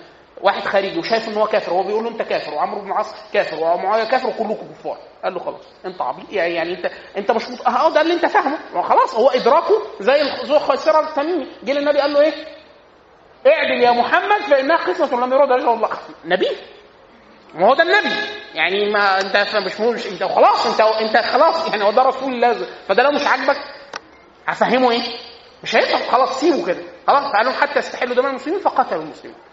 قتلوا نص الصحابه الصحابي اللي مسكوه مراته معاه جارية حامل. فقالوا له انت فلان آه صاحب رسول الله. قال لهم آه قالوا له طب ما تحدثنا حاجة عن رسول الله كده. فقال لهم بعد كده وهم ماشيين واحد فيهم إيه؟ الرواية بتقول ضرب خنزير. وهم ماشي كده في حقل من الحقول ضرب خنزير. فالراجل قال له ده افساد في الأرض على فكرة. وانت قال له آه والله فعلا وأنا أستغفر وبتاع. والتاني ليه؟ تمرة جه ياكلها قال له لا ده ما لا تحل ليك وبتاع. فالصحابي لما شاف قال ليس علي بأس. يعني في هذه الدين والغلو قال لهم لا مش هيعملوا له حاجة. بالرغم إن ما القت الريح وبتاع ده أصلا مباح. يعني هو دايما يقول لك إيه لا يجهل لا يزهد الجاهل إلا في مباح. لا يزهد الجاهل إلا في مباح. يقول لك لا أنا ما أكلش من أكل المصار ليه؟ ديانه ده غلو. النبي صلى الله عليه وسلم لو لو شهد لأكل. خلاص؟ واحد يقول لك ليه؟ أنا ما لا ما توضاش من أي مية. لازم أشوف بتاع. ده غلو. النبي صلى الله عليه وسلم كان أقل الناس تكلفا قال له لا تخبره صاحب الايه الحوض. ما فيش. صلي على طول. سيدنا عمرو بن العاص لما جه يقوم يصلي في في في أوضة اليهودية في الشام فقال لها المكان هنا طاهر. فسيدنا عمرو عمر الخطاب قال له الست اليهودية قالت له إيه؟ قال له قالت له طهر قلبك ثم صلي حيث شئت. فسيدنا عمر الخطاب قال له خذها من غير فقيه. آه هو ده. المسلم في الأصل تصلي تصلي. الأصل الطهاره خلاص ما تقعدش يعني تعمل كده.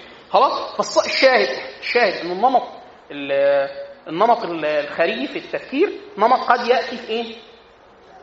في واحد واثنين وثلاثة وأربعة وبتاع عبادات ممكن أذكار ممكن آه هيئة تزمت في الديانة ممكن خروج على الناس بالسيف حاكما أو محكوما بس الناس يقول لك خوارج يبقى خرجوا على الحاكم. طب افرض الحاكم خرج على الأمة بالسيف ما يبقاش خارجي. خلاص وكذا أخبر التابعين في في في حق الحجاج طيب. أيوه.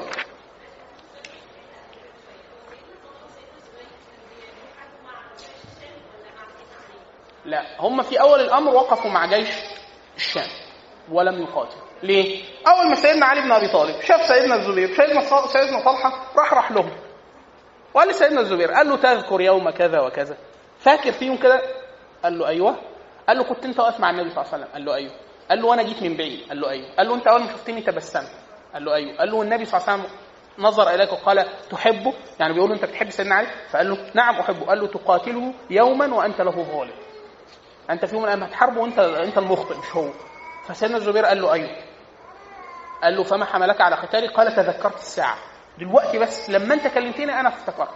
فمضى ولم يقاتل وقتل رضي الله عنه. خلاص؟ سيدنا الزبير لم يقاتل. وكذا سيدنا طلحة بن عبيد الله لم يقاتل.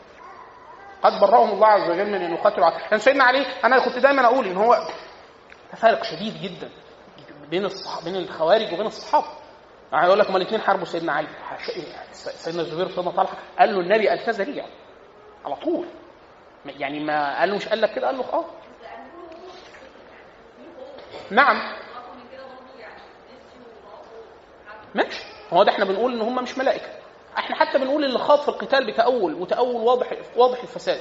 نحن نقول أنه من الكبائر معصية. خلاص؟ لكن هو تحت المشيئة. يعني هو إيه؟ له حسنات حسنات ولا هي دي الميزان. يعني إحنا بنقول إيه؟ آه قاتل. قاتل. آه نعم قاتل. في من الصحابة قاتل. على راسهم معاوية بن سفيان. والتأويل اللي قاله ده تأويل واضح جدا وباطل. مش صحيح. خلاص؟ لكن إحنا بنقول هو ده الموقف أهم أهم فارق بين أهل جمهور أهل السنة والخوارج وغيرهم. إن هو إن إحنا آه، ب ب يعني الناس كلها على بعضها كده بنوزنها يعني سيدنا خالد الوليد بنقول آه هو قتل ناس وهم كانوا بعد ما أسلموا. والنبي قال اللهم إني أبرأ إليك مما فعل خالد يقول لك خالد ده كان سفاك وبتاع ملك وبتاع. فنقول حاشاه أمال إيه؟ يعني اللي عمله صح. لا مش صح. ده كبيره من كبائر قتل المسلمين. أمال إيه؟ وله من الحسنات الماحية ما تمحو له هذا عند الله عز وجل. خلاص؟ واحد يقول لك أهل بدر دول ما عملوش حاجة. لا ده في أهل بدر من ممن نكب يعني ما لم لم يخرج مع النبي صلى الله عليه وسلم في تبوك المخلفين. ونزلت توبتهم توبتهم في القرآن. ومن أهل بدر من شرب شرب الخمر. في خلافة عمر بن الخطاب. خلاص؟ ومنهم من ظل على الخمر زي سيدنا أبو محسن الثقفي. ده قعد فترة قعد بيشرب خمرة كتير وسيدنا حمار اللي هو عب... اللي هو كنيته حم... حمار اللي هو عبد الله اللي كان يضحك النبي صلى الله عليه وسلم. ده كان راجل بيضحك راجل دمه خفيف كان دايما رايح جاي يقعد يهزر ده يعني إيه يبتغي؟ النبي يضحك النبي صلى الله عليه وسلم ويدخل السرور على قلب النبي صلى الله عليه وسلم لدرجة إنه أحيانا كان لما يدخل بياع سمن ولا عسل المدينة فيقول له يلاقي حاجة بضاعة ممتازة جدا فيقول له تعالى فيقول له هات كيلو سمن وهات كيلو عسل فيقول النبي صلى الله عليه وسلم أنا جبت لك كيلو سمن وكيلو عسل هدية فالنبي يقبل منه يقول له حاسبه. ادفع للراجل الفلوس. فالنبي صلى الله عليه وسلم يقول له يعني ألم تعطيها فيقول له أنا ما كانش معايا فلوس بس أنا ما جاليش قلب إن أنا تجي لك حاجة كويسة زي كده وأنت ما تاكلش منها. فكل وحاسبه. وكان النبي صلى الله عليه وسلم يحاسب ويضحك. خلاص؟ وكان سيدنا حمار يضحك النبي صلى الله عليه وسلم دائما وكان كثيرا ما يؤتى به في الخمر. كل شوية يشرب خمرة ويجيبوه سكران ويمسكوه. النبي يقول لهم قوموا اضربوه يضربوه بعد كده يرجع تاني يشرب خمر واحد لما جابوه مرة واثنين وثلاثة قال إيه؟ لعنه الله ما أكثر ما يؤتى به. فالنبي صلى الله عليه وسلم قال لا تلعنه فإنه إيه؟ فإنه يحب الله ورسوله. واحد يقول لك يعني هيجتمع في قلب مسلم واحد مدمن خمرة في حياة النبي صلى الله عليه وسلم. ده بيصلي مع النبي فجره وظهره وعصره ويضحك النبي صلى الله عليه وسلم. وينفع يكون آه شهوة من شهوات المسلمين. شهوة من شهوات بني الناس يعني. الخمرة والزنا وال... وحتى الملك ما شهوة من الشهوات واحد يقول لك ينفع كده؟ آه ينفع كده. وهو ده الفارق المهول جدا بين أهل السنة وغيرهم. إن هم يؤمنوا بأن الإسلام الإيمان الإيمان شعب. فيجتمع في الإنسان الواحد مؤمن وفسق. يعني ممكن يشرب خمرة ويحب الله ورسوله. وممكن يكون بيزني وبيحب الله ورسوله. واحد يقول لك يا عم بيزني وإن رغي رغم انف ابا يدخل الجنة وهو بيسرق آه ينفع. ينفع. ينفع ليه؟ لأن الله عز وجل يقبل منه هذا في برحمته. زي بغي بني إسرائيل. دي بغي. يعني ده زنا وعلى طول. خلاص؟ فرحمتها للكلب أدخلتها الجنة. عشان كده إحنا بنقول الحمد لله إن اللي حاسبنا شبهاتنا وأمهاتنا. الحمد لله أن اللي حاسبنا مين؟ الله عز وجل. حديث الله عز حديث النبي صلى الله عليه وسلم لما رأى المرأة اللي كانت تبحث على ابنها في في الأسرة فلما لقيته لم تحت... لم تتحمل إلا أنها إيه؟ اخرج ثديها فأرضعته وكذا. فالناس مش يعني تعجبين شفقة النساء على ال... ال... على الأطفال. يعني رحمة. ده كل دي رحمة. الله عز وجل لما خلق الرحمة خلق الرحمة 100 جزء. فإيه؟ أنزل جزء واحد. وأبقى 99 جزء يرحم به العباد. فالجزء ده اللي هو اللي هي اللي بترفع بيه الفرس حافرها عن الطفل والأم بتستجيب لأطفال. كل الرحمة اللي إحنا بنشوفها في أبهاتنا وأمهاتنا دي بالواحد اللي موزع على كل مخلوقات الله عز وجل. الرحمة. فقال لهم لما الناس تعجبت من رحمة الست بابنها فالنبي صلى الله عليه وسلم قال لهم تتعجبون يعني من رحمة الست؟ قال لهم قال لهم أترون هذه؟ يعني طارحة ولدها في النار وهي تقدر. دي ترمي ابنها في النار فقالوا لا يا رسول الله. فقال إن الله عز وجل أرحم بأحدكم من هذه بولدها خلاص؟ فالنظر لرحمة الله عز وجل هو بيخلي المسلم المسلم اللي هو على اعتقاد حسن ويقين حسن في الله عز وجل إن هو يقبل إن هو يجتمع في الإنسان فسق وإيمان. وحب الله عز وجل ورسوله وبعض حب الدنيا. ينفع. ينفع. وممكن يقاتل مرة على الباطل ويقاتل طول عمره على الحق. الله عز وجل يغفر له هذه في هذه. خلاص؟ زي إحنا بنقول سيدنا معاوية. طب واحد يقول لك طب ما هو ده تأويل فاسد وواضح اللي عمله وبتاع. طب النبي صلى الله عليه وسلم شاهد له بالجنة. سيدنا معاوية. حديث أم حرام بنت ملحان. سيدة أم حرام بنت ملحان لما النبي صلى الله عليه وسلم هي كانت من قرابة النبي صلى الله عليه وسلم أو هي يعني من من من, من النبي صلى الله عليه وسلم يعني من محرم ليها يعني. فنام عندها في في, يوما ثم استيقظ يتبسم النبي صلى الله عليه وسلم ويقول إيه؟ آه، أناس من أمتي كالملوك على على الاسره أو كالملوك على الأسرة. يغزون في البحر هم في الجنة. خلاص؟ فسيدة أم حرام قالت له ادعو, يا رسول ادعو لي يا رسول الله أن أكون منهم. فقال أنت منهم. ثم نام فاستيقظ ويضحك يتبسم فيقول إيه؟ أقوام من أمتي آه، ملوك على الاسره أو كالملوك على الاسره يغزون على هم إيه؟ في الجنة. فقالت له يا رسول الله ادعو لي أن اكون فقال أنت من أولهم. سيدة ام حرام بنت الحال ممن نزلوا في قبرص وماتت آه، آه، يعني القتها النقب لما نزلوا في الفتح في قبرص وكان أمير الجيش معاوية بن أبي سفيان. هو ده أول جيش غزا في البحر. خلاص؟ فهو جيش البحر كله ده في, النبي صلى الله عليه وسلم قال هم في الجنة كلهم على بعضهم. يعني مش ممكن تكون سيدة أم حرام بنت ملحان وهي من مناقب سيدة أم حرام بنت ملحان وهي ماتت في في, في قبرص ودفنت في قبرص. خلاص؟ في الفتح. وأمير الجيش معاذ بن سفيان. فإحنا بنقول إيه؟ هو في الجنة اجمالا. خلاص؟ طب واحد مالوش معاصي وبتاع؟ كذا أهل بدر. كذا أهل بدر. كذا أهل. طبعا طبعا ليست الدرجة دي درجة أهل بدر وبيعة الرضوان وبتاع لا مختلف لكن إحنا بنقول إيه؟ إن هو ده داخل في رؤية أهل أهل السنة اجمالا للناس اللي هو احتمال الايه الإيمان والفسق وكذا الإيمان والمعاصي الإيمان والكبائر. طيب إحنا جبنا حاجة تكلمنا عن حاجات من من من جزء من مناقب علي بن أبي طالب. نعم. طب هو ليه ليه ليه ليه, ليه انتهى؟ يعني ليه مش قبلها؟ هينتهي مثلا. إيه؟ آه انت بتندمجي فبتنسي تقولي لي. ما إحنا برضه لازم نتكلم عن نكمل على الأقل 10 دقائق 10 دقائق معلش طيب. آه جزء المهم جدا على على على طبعا جزء من أجل من أجل مناقب علي بن أبي طالب رضي الله عنه. عن أبي هريرة ان رسول الله صلى الله عليه وسلم قال يوم خيبر لأعطين هذه الراية رجل رجلا يحب الله ورسوله ويفتح الله على يديه. قال عمر بن الخطاب ما أحببت الإمارة إلا يومئذ. يعني لما النبي قال كده قلت يا انت بقى أمير بكرة عشان هيبقى هو ده اللي إيه داخل في الدعاء. عشان كده إحنا بنقول حديث معاوية هو أمير الجيش. قال فتساورت لها رجاء أن ادعى لها يعني الرايه قال فدعا رسول الله صلى الله عليه وسلم علي بن أبي طالب فأعطاه اياها وقال امشي ولا تلتفت حتى يفتح الله عليك قال فسار علي شيئا ثم وقف ولم يلتفت فصرخ يا رسول الله على ماذا أقاتل الناس؟ قال قاتلهم حتى يشهدوا أن لا إله إلا الله وأن محمدا رسول الله فإذا فعلوا ذلك فقد منعوا منك دماءهم وأموالهم إلا بحقها وحسابهم على الله. خلاص ودي من أجل مناقب علي بن أبي طالب. وحديث النبي صلى الله عليه وسلم لما خرج النبي صلى الله عليه وسلم في تبوك فترك علي أميرا على المدينة. فالناس بدأت تعاير عليه فقالوا له سايبك مع النساء والأطفال والمنافقين وبتاع فما زالوا به حتى خرج. فلحق بالنبي صلى الله عليه وسلم فلما يعني رآه النبي صلى الله عليه وسلم قال له أنا مش أمرتك؟ فقالوا الناس غمزوني ولم تركت يعني تركتني مع المنافقين والنساء وبتاع. قال له ألا ترضى أن تكون يعني مني بمنزلة هارون من موسى؟ إلا أنه لا نبي بعد حديث النبي صلى الله عليه وسلم من كنت مولاه فعلي مولاه. خلاص؟ وحديث الغدير والحديث حديث الغدير ده حديث صحيح عند أهل السنة. هو طبعا من عمدة الشيعة. إحنا عندنا في مشكلة طبعا مع الشيعة اجمالا مع الصحابه تعاملهم مع الصحابه وهم فيهم نفس من الخوارج ولا بد. تعاملهم مع الصحابة. زي الخارج بالظبط اللي هو إيه ما أنتم القرآن ما فهمتوهوش صح. وبتاع أيوه فعلا. يعني أنت اللي فهمته والصحابي ما فهموش. خلاص؟ وجمهور الصحابه ما فهموش. بل أبو بكر وعمر ما فهموش. خلاص؟ فإحنا دايما بنتهم بنتهم الشيعة مش في دينهم في الأول لا بنتهمهم في عقلهم بعد كده بنتهمهم في دينهم. خلاص يعني أه أحول. زي الخارجي قال له إيه لما أنا أقول لك تفسير القرآن. فسيدنا عثمان قال له ده نزل فين سيدنا عبد الله عباس لما قالوا له لا هو مش فاهم القرآن. فقالوا له هو ومعه أصحاب النبي صلى الله عليه وسلم أعلم بتأويل القرآن منكم. يعني يعني خلاص. فحديث الغدير أن النبي صلى الله عليه وسلم اللي هو في حديث آه، النبي صلى الله عليه وسلم نزل على ماء يسمى غدير آه، غدير خم فقال النبي صلى الله عليه وسلم يعني إيه؟ آه، تركت فيكم الحديث المشهور. بس هو المشهور الرواية المشهورة هي الضعيفة. المشهورة الصحيحة غير دي. يعني المشهور بين الناس وبين أهل السنة في العموم اللي هو تركت فيكم آه, آه تركت فيكم الثقلين آه كتاب الله وسنتي.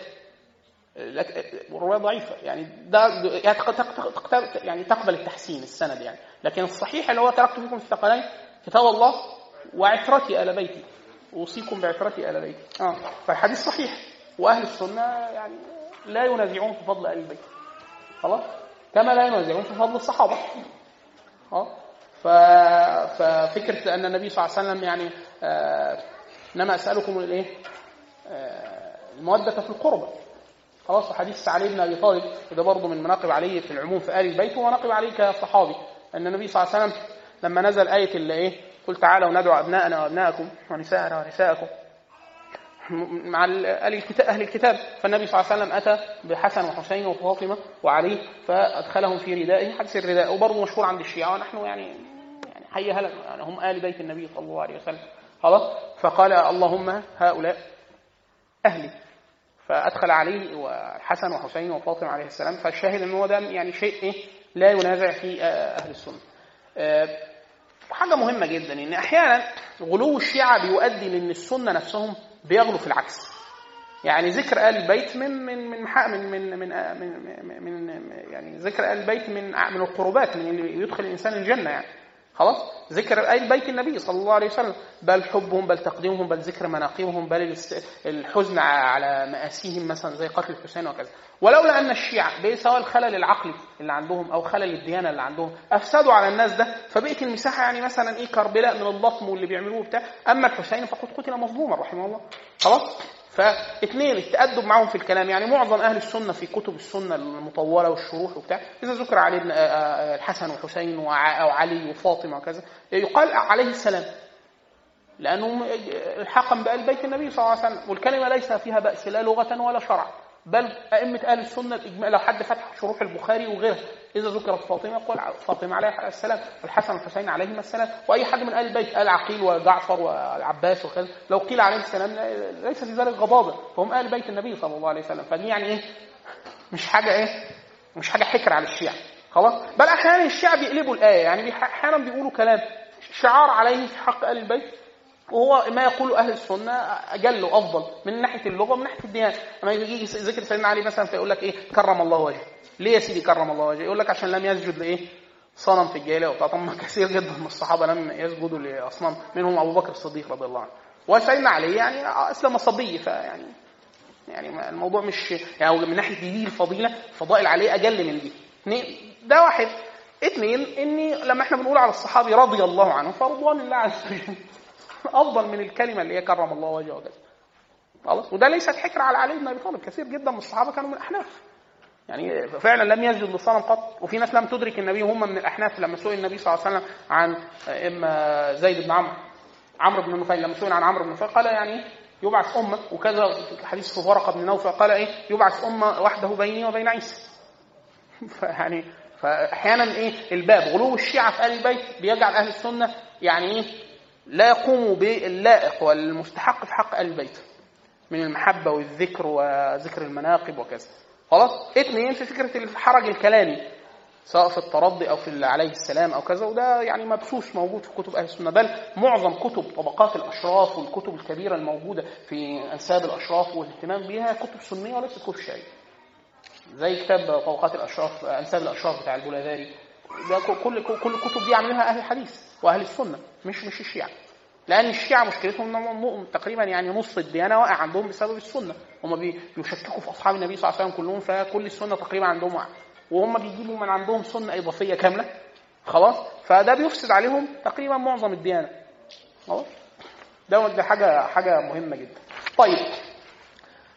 بقتال علي بن أبي طالب للخوارج وظهورهم على الخوارج. فحتى بعد ما سيدنا علي قاتل الخوارج طلب واحد من الجيش قال لهم تدوروا على احد في القتلى وصف إيده كذا. يعني إيده شكلها كذا هو وصفه كذا. قعدوا يدوروا قالوا له لا مش موجود. قال لا ما فيش. صدق رسول الله صلى الله عليه وسلم. دوروا عليه هتلاقوه الراجل. طب إيه الحكاية؟ قال لهم لا مش هقول لكم بس دوروا. فلغاية قال لهم في واحد إيده وصفها كذا عضلة شكلها كذا وصف تفصيلي. فأول ما لقيها فكبر سيدنا علي فقال إيه؟ لولا أن أخ... لولا أن تتكلوا لأخبرتكم بالفضل الذي ذكره النبي صلى الله عليه وسلم لمن يقاتل هؤلاء. فالنبي صلى الله عليه وسلم سمى للصحابة أن هؤلاء الناس يخرجون على في وقت فرقة ما بين المسلمين وأنهم تقاتل هذه الطائفة اللي هم الخوارج أقرب الطائفتين إلى الحق وقد قتلهم علي بن أبي طالب رضي الله عنه. خلاص؟ وأنهم قتلهم أشر قتل تحت أديم السماء وأن من قتلهم طوبى له لمن قتلهم وقتلوا طبعا حديث سمعته سائد بعد من فترة لكن الحديث حديث طبعا حديث صحيح. طوبى لمن قتلهم وقتلوه ده فعلا في الخوارج بس إحنا دايما بنقول إن هم أنهي خوارج ده قد يكون الحاكم هو الخارج على الأمة مش الناس اللي خرجت على الحاكم. الخروج على الحاكم هو الخروج على الحاكم الحق بغير حق. هو ده اللي اتقال في الكلام ده. لكن طوبى لمن قتلهم وقتلوه ده خارج إحنا قلنا الخارج ده أنماط مش بس فكرة الخروج على الحاكم إحنا قلنا بل العكس. قد يكون هو اللي خارج على الأمة مش غيره. خلاص؟ بقتال علي بن أبي طالب ليه؟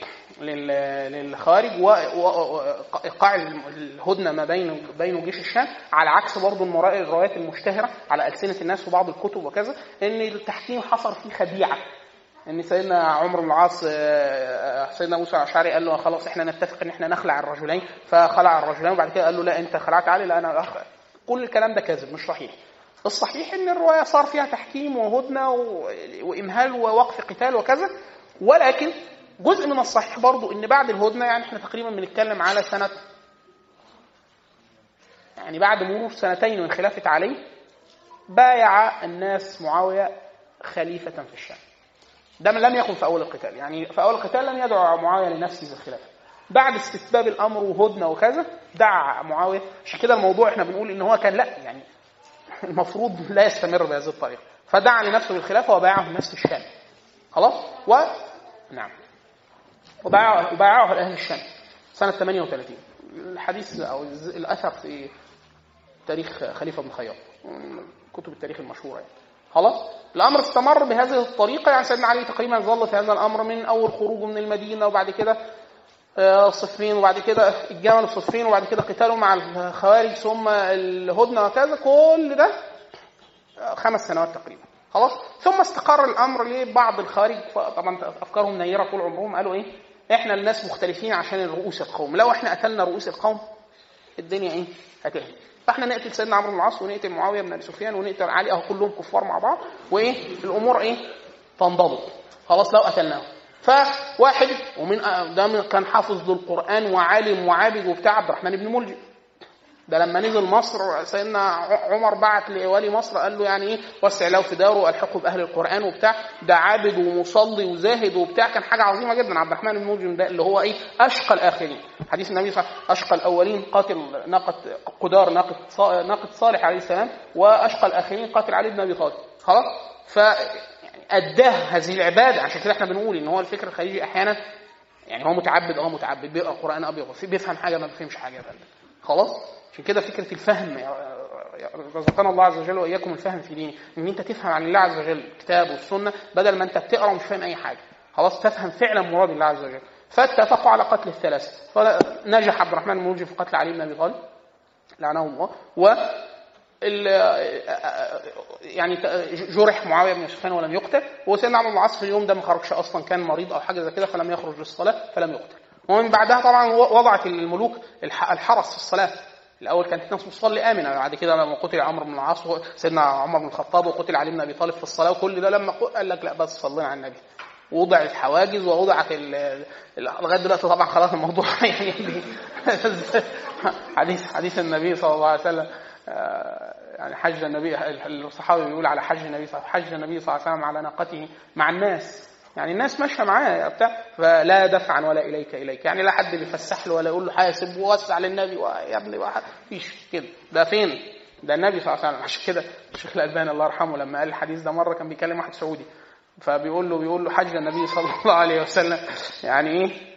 مع الناس لا دفعا ولا إليك إليك. لا كما يفعل أمراؤكم اليوم. نكد عليه يعني برضه يعني ما ما سابوش يعني. خلاص؟ فلما قتل علي بن ابي طالب بايع الناس من بعده سيدنا الحسن بن علي رضي الله عنه. فالحسن طبعا الحسن ولد لفاطمة وسيدنا علي يوم عام ثلاثة من الهجرة.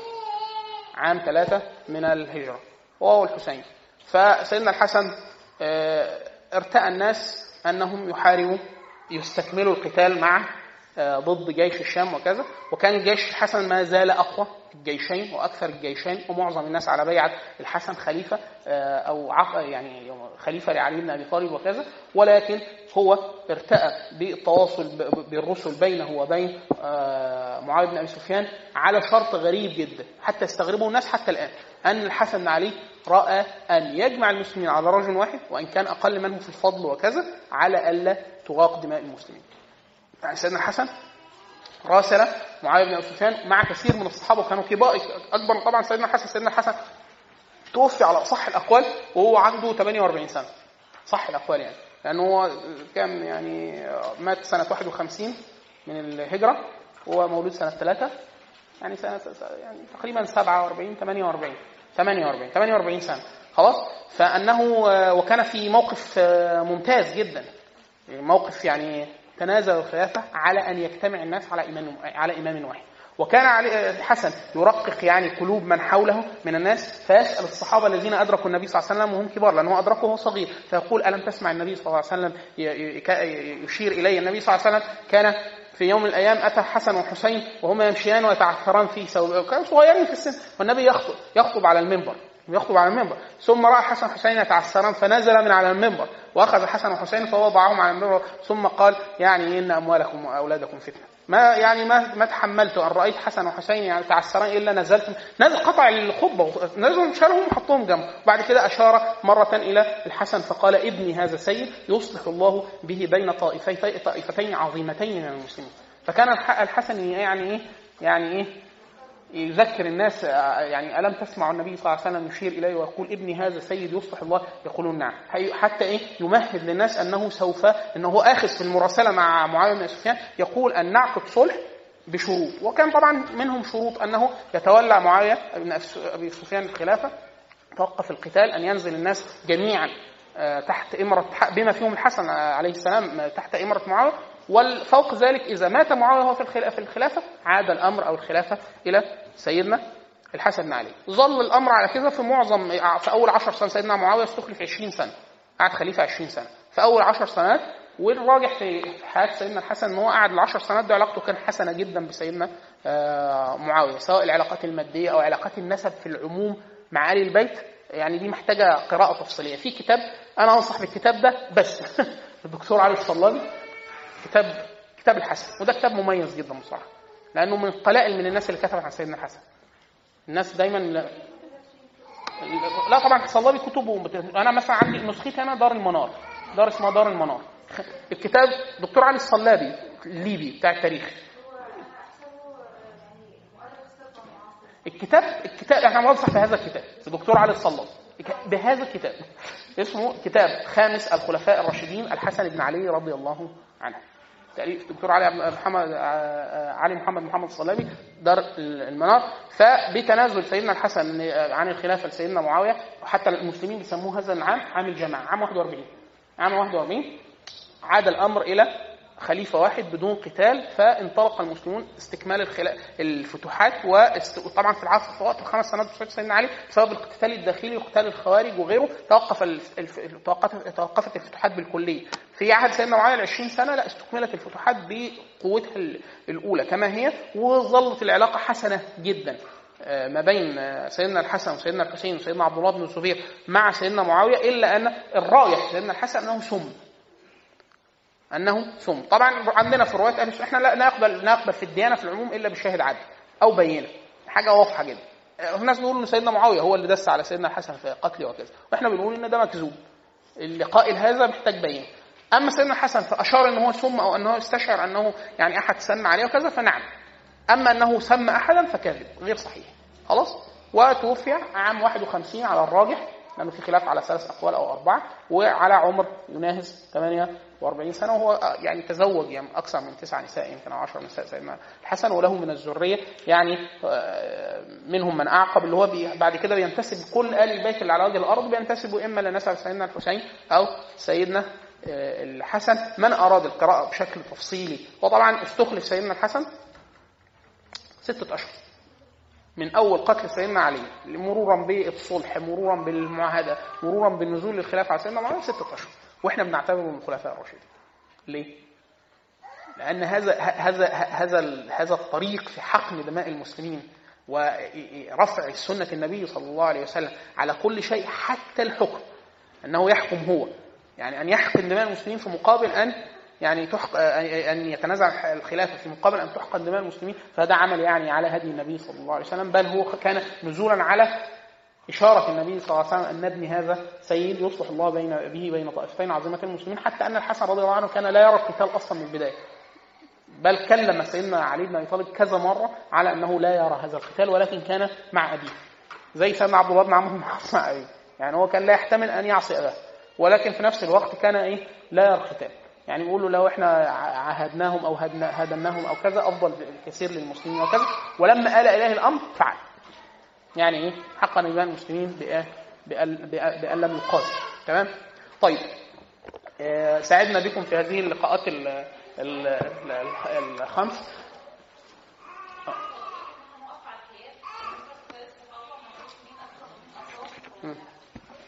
آه، لو أنت عايزة نصيحة في العموم نصيحة في العموم آه آه الأفضل إن أنت إيه؟ ترفعي لسانك عن عنهم جميعا. ليه؟ ليه؟ مرة س... أنا قلت الروايه يمكن في أثناء العرض سيدنا عمر بن عبد العزيز آه على عادة الامم كان أحيانا نقع في سيدنا علي في أول أمره. فواحد من أهل الحديث وكان درس سيدنا عمرو بن العاص فبعت له رسالة كده قال له إيه؟ قال له من الذي أعلمك أن الله عز وجل قد غضب على أصحاب محمد بعد أن رضي عنهم؟ مين اللي قال لك كده بقى.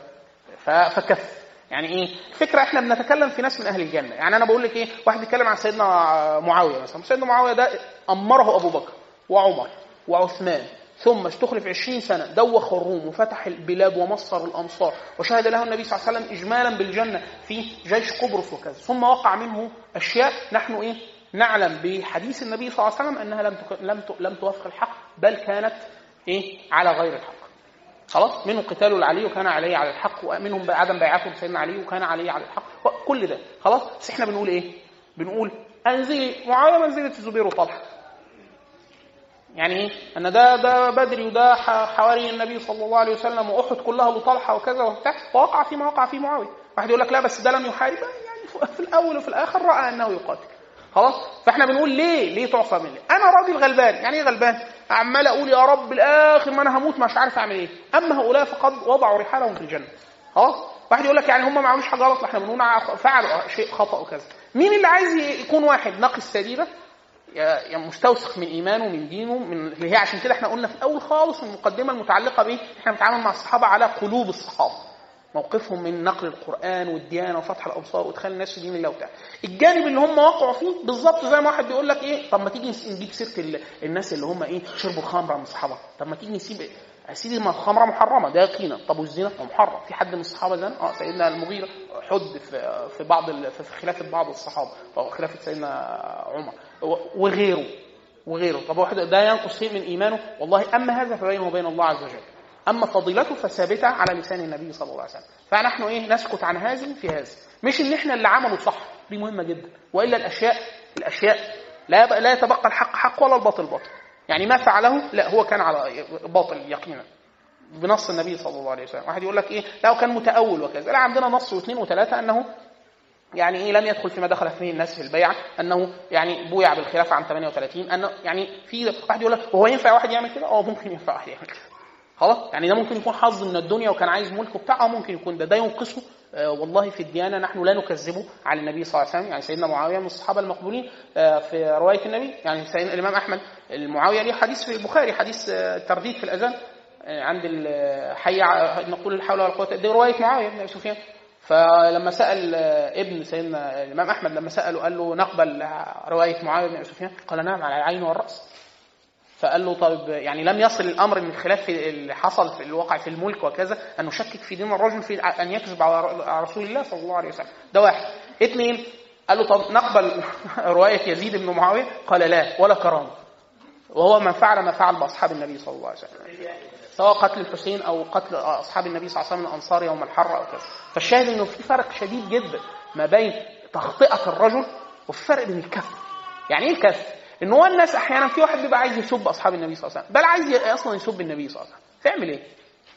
يقول لك إيه؟ يزيد بن معاوية ده مش مش مش ابن معاوية؟ آه. طب قتل الحسين. آه. ومين اللي خلى اللي ولاه؟ معاوية.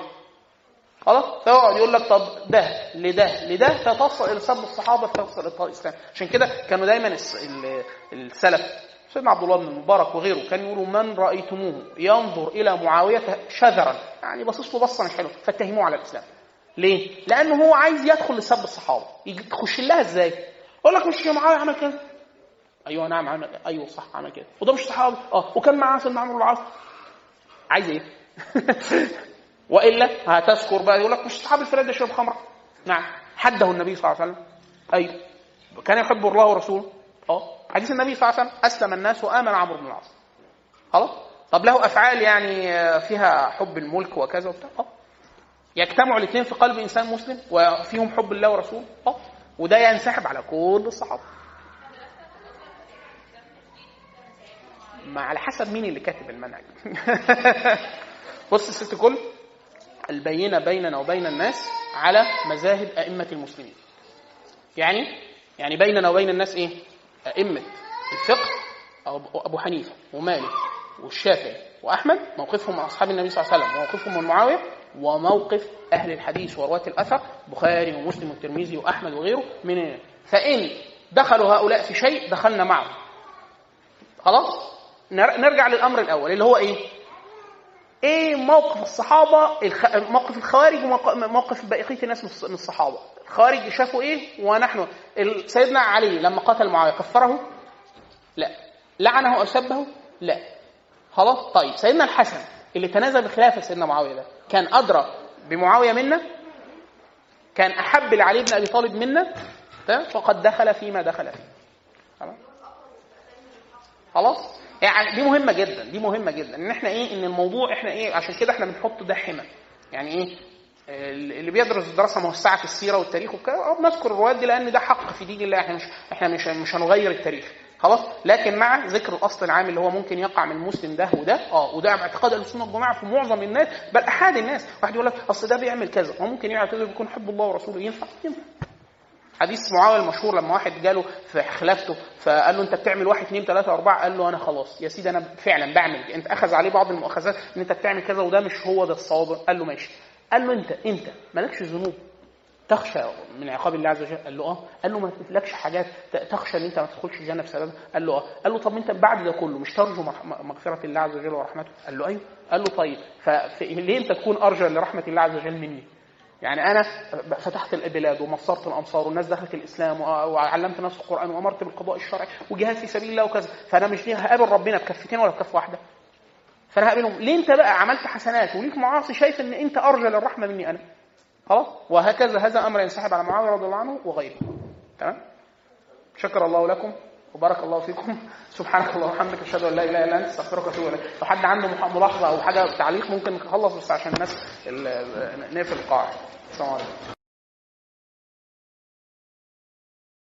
هو الذي بعث في الأميين رسولا منهم يتلو عليهم آياته ويزكيهم ويعلمهم الكتاب والحكمة ويعلمهم الكتاب والحكمة وإن كانوا من قبل لفي ضلال مبين.